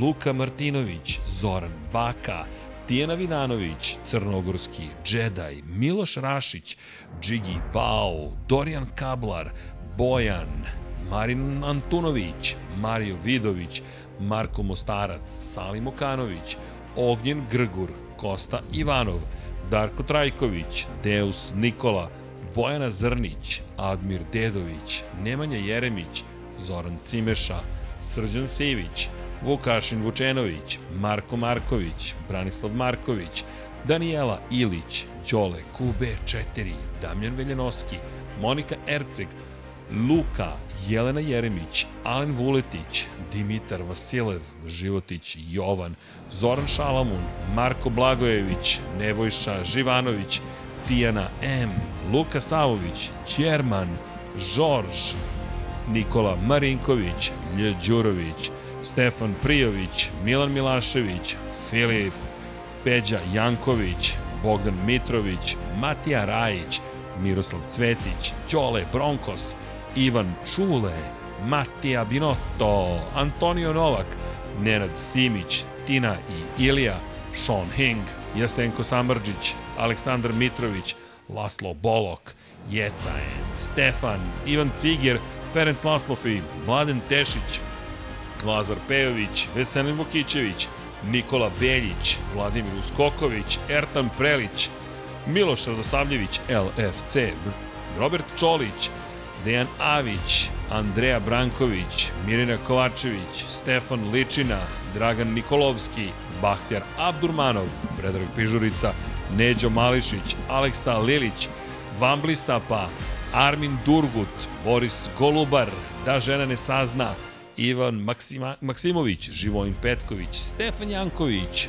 Luka Klaso, Toni Ruščić, Jugoslav Ilić, Nedo Lepanović, Ivan Milatović, Pavle Nj, Emir Mešić, Đurđica Martinović, Borko Božunović, Aleksa, Đorđe Radojević, Hrvoje Lovrić, Ljiljana Milutinović, Zorana Vidić, Vojin Kostić, Nemanja Miloradović, Nenad Ivić, Boris Radović, Klara Gašpar, Branislav Milošević, Aleksandar Čučković, Kimi Rajkonen, Igor Jankovski, Nedim Drljević, Branko Bisački, Stefan Vidić, Aleksandar Radivojša, Aleksandar, Inzulin 13, Andrea, Josip Kovačić, Aleksandar Antonović, Anonimus, Donatorus, Nemanja Zagorac, Zoran Majdov, Bojan Markov, Boris Kojundžić, Kristijan Šestak, Ante Primorac, Stefan Stanković, Andrej Bicok, Andrija Todorović, Milan Kića, Zoltan Mezej, Žarko Milić, Milan Paunović, Bata Brada, Miloš Banduka, Vladan Miladinović, Borislav Jovanović, Andrej Božo, Luka Manitašević, Nikola Stojanović, Miloš Vuletić, Aleksandar Banovac, Ivan Sović, Ivana, Vanja Radulović, Bojan Mijatović, Andreja Miladinović, Zlatko Vasić, Aca 43 Zla, Safete Sljami, Dejan Avić, Milan Apro, Aleksa Jelić, Aleksandar Bobić, Marko Trkulja, Ivan Simeunović, Stefan Nedeljković, Đole Cheesehead, Gloria Edson, Vladimir Mutić, Dragan Matić, Vlada Ivanović, Marko Kozić, Ivan Rebac, Martin Gašpar, Mihajlo Krgović, Strahinje Brajanoski, Aleksandar Jurić, Aleksa Valter, Jasmina Pešić, Novak Tomić, Aleksandar Anđelić, Dušan Delić, Lukas, Aleksa Vučaj, Nemanja Labović, Nikola Božinović, Saša Ranisavljević, Kristina Ratković, Dimitrije Mišić, Igor Vučković, Anonimus, Donatorus, Branislav Kovačević, Dejan Đokić, Miloš Rosandić, Dario J, Matej Sopta, Mladen Krstić, Miloš Todorov, Dejan Janić, Ognjen Marinković, Vladimir Jovanović, Nikola E, Vladimir Filipović, Nikola Grujičić, Vuk Korać, Marko Bogavac, Ivan Toškov, Lazar Hristov, Petar Bjelić, Uroš Ćosić, Luke Williams, Pujo, Milorad Reljić, Zlatko Marić, Nemanja Miloradović, Nikola Grđan, Drago Veković, Bojan Markov, Sadam Mehmedović, Peja, MD, Dejan Plackov-Plackov, Marko Jevtić, Zoran Mladenović, Bojan Stanković, Amar Taso, Nikoleta Minić, Dinstero, Aleksandar P, Omer Sarajlić, Milanka Marunić, Galeksić, Stevie G8, MM93, Ramzes Rama, Aleksandar Jokić, Ejhel, Eldin Polovina, Predrag Zec, Igor Ninić, Marakos, Mile Supudanov, Ristov, Edin Ustavdić, Blago Jačevski, Alen Jesenović, Zoran Baka, Bakadu, Mensur Kurtagić, Ivan Vujasinović, Vukašin Vučenović, Slaven 84, Aleksandar Stojković, Marko Lučić, Đera 7, Krorobi 00, Nikola Hrnjaković, Anonimus, Donatorus, Domagoj Kovač Rajkov, Mateja Nenadović, Toni Soni 76, Ada Sokolović, Mrča, Nikola Vulović, Aleksandar Egerić, Penđer, Nikola Božović, Dejan Janić, Bojan Gitarić, Katarina Stepanović, Lunatic Soul, Kromid, Saša Stevanović, Marko Bogavac, Ljiljana Milutinović, Nikola Adamović, Žika Su, Aleksandar Kockar, Konstantin Mlinarević, Almedin Ahmetović, Igor Ilić, Vladimir Vujičić, Ivan Božanić, Mađar 007, Almir Vuk, Aleks Vulović, Vojislav Tadić, Nikola Grujičić, Igor Vranić, Miloš Stanimirović, Nemanja, Pavle Lukić, Jovan Bojanić, Nedžad Mrakić, Miloš Zed, LFC, Bruno Jurić, Filip Knežević, Vladimir Subotić, Future Graciano Rossi, Tatjana Lemajić, Nemanja Cimbaljević, Tomić Miloš, Aleksandar Radivojša, Uroš Čuturilo, Branko Rašević, Marina, Vlada Ivanović, Vladan Đurić, Ivan Vincetić, Deni Fejzić, Stefan Škrbić, Ivor M, Srđan Ćirić, Vladimir Bulatović, Ivan Hornjak,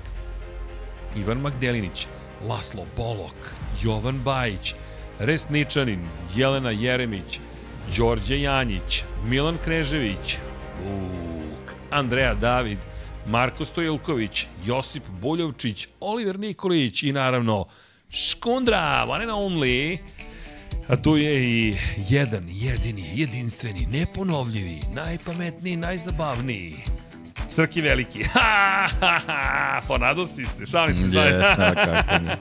Ne, već je bio da fazon, ne, ne, da. opet. A,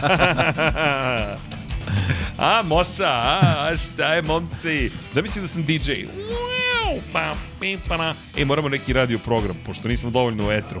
To mi Pišite i ovo. Kako? Kažem da pišu i ovo na onaj spisak. Na spisak. Stavite ovo. Ljudi, u svakom slučaju, ljubimo vas i volimo, mazite se, pazite se, budite dobri jedni prema drugima, vozite računa jedni u drugima i naravno budite nežni, nešto lepo radite, sezona se približava, ovo je bila ekipa Deki i Srki, Srki, ups, SSD diskovi smo mi, u svakom slučaju, 1, 2, 3, 4, 8, 15, 12 i naravno, Ćao svima. svima.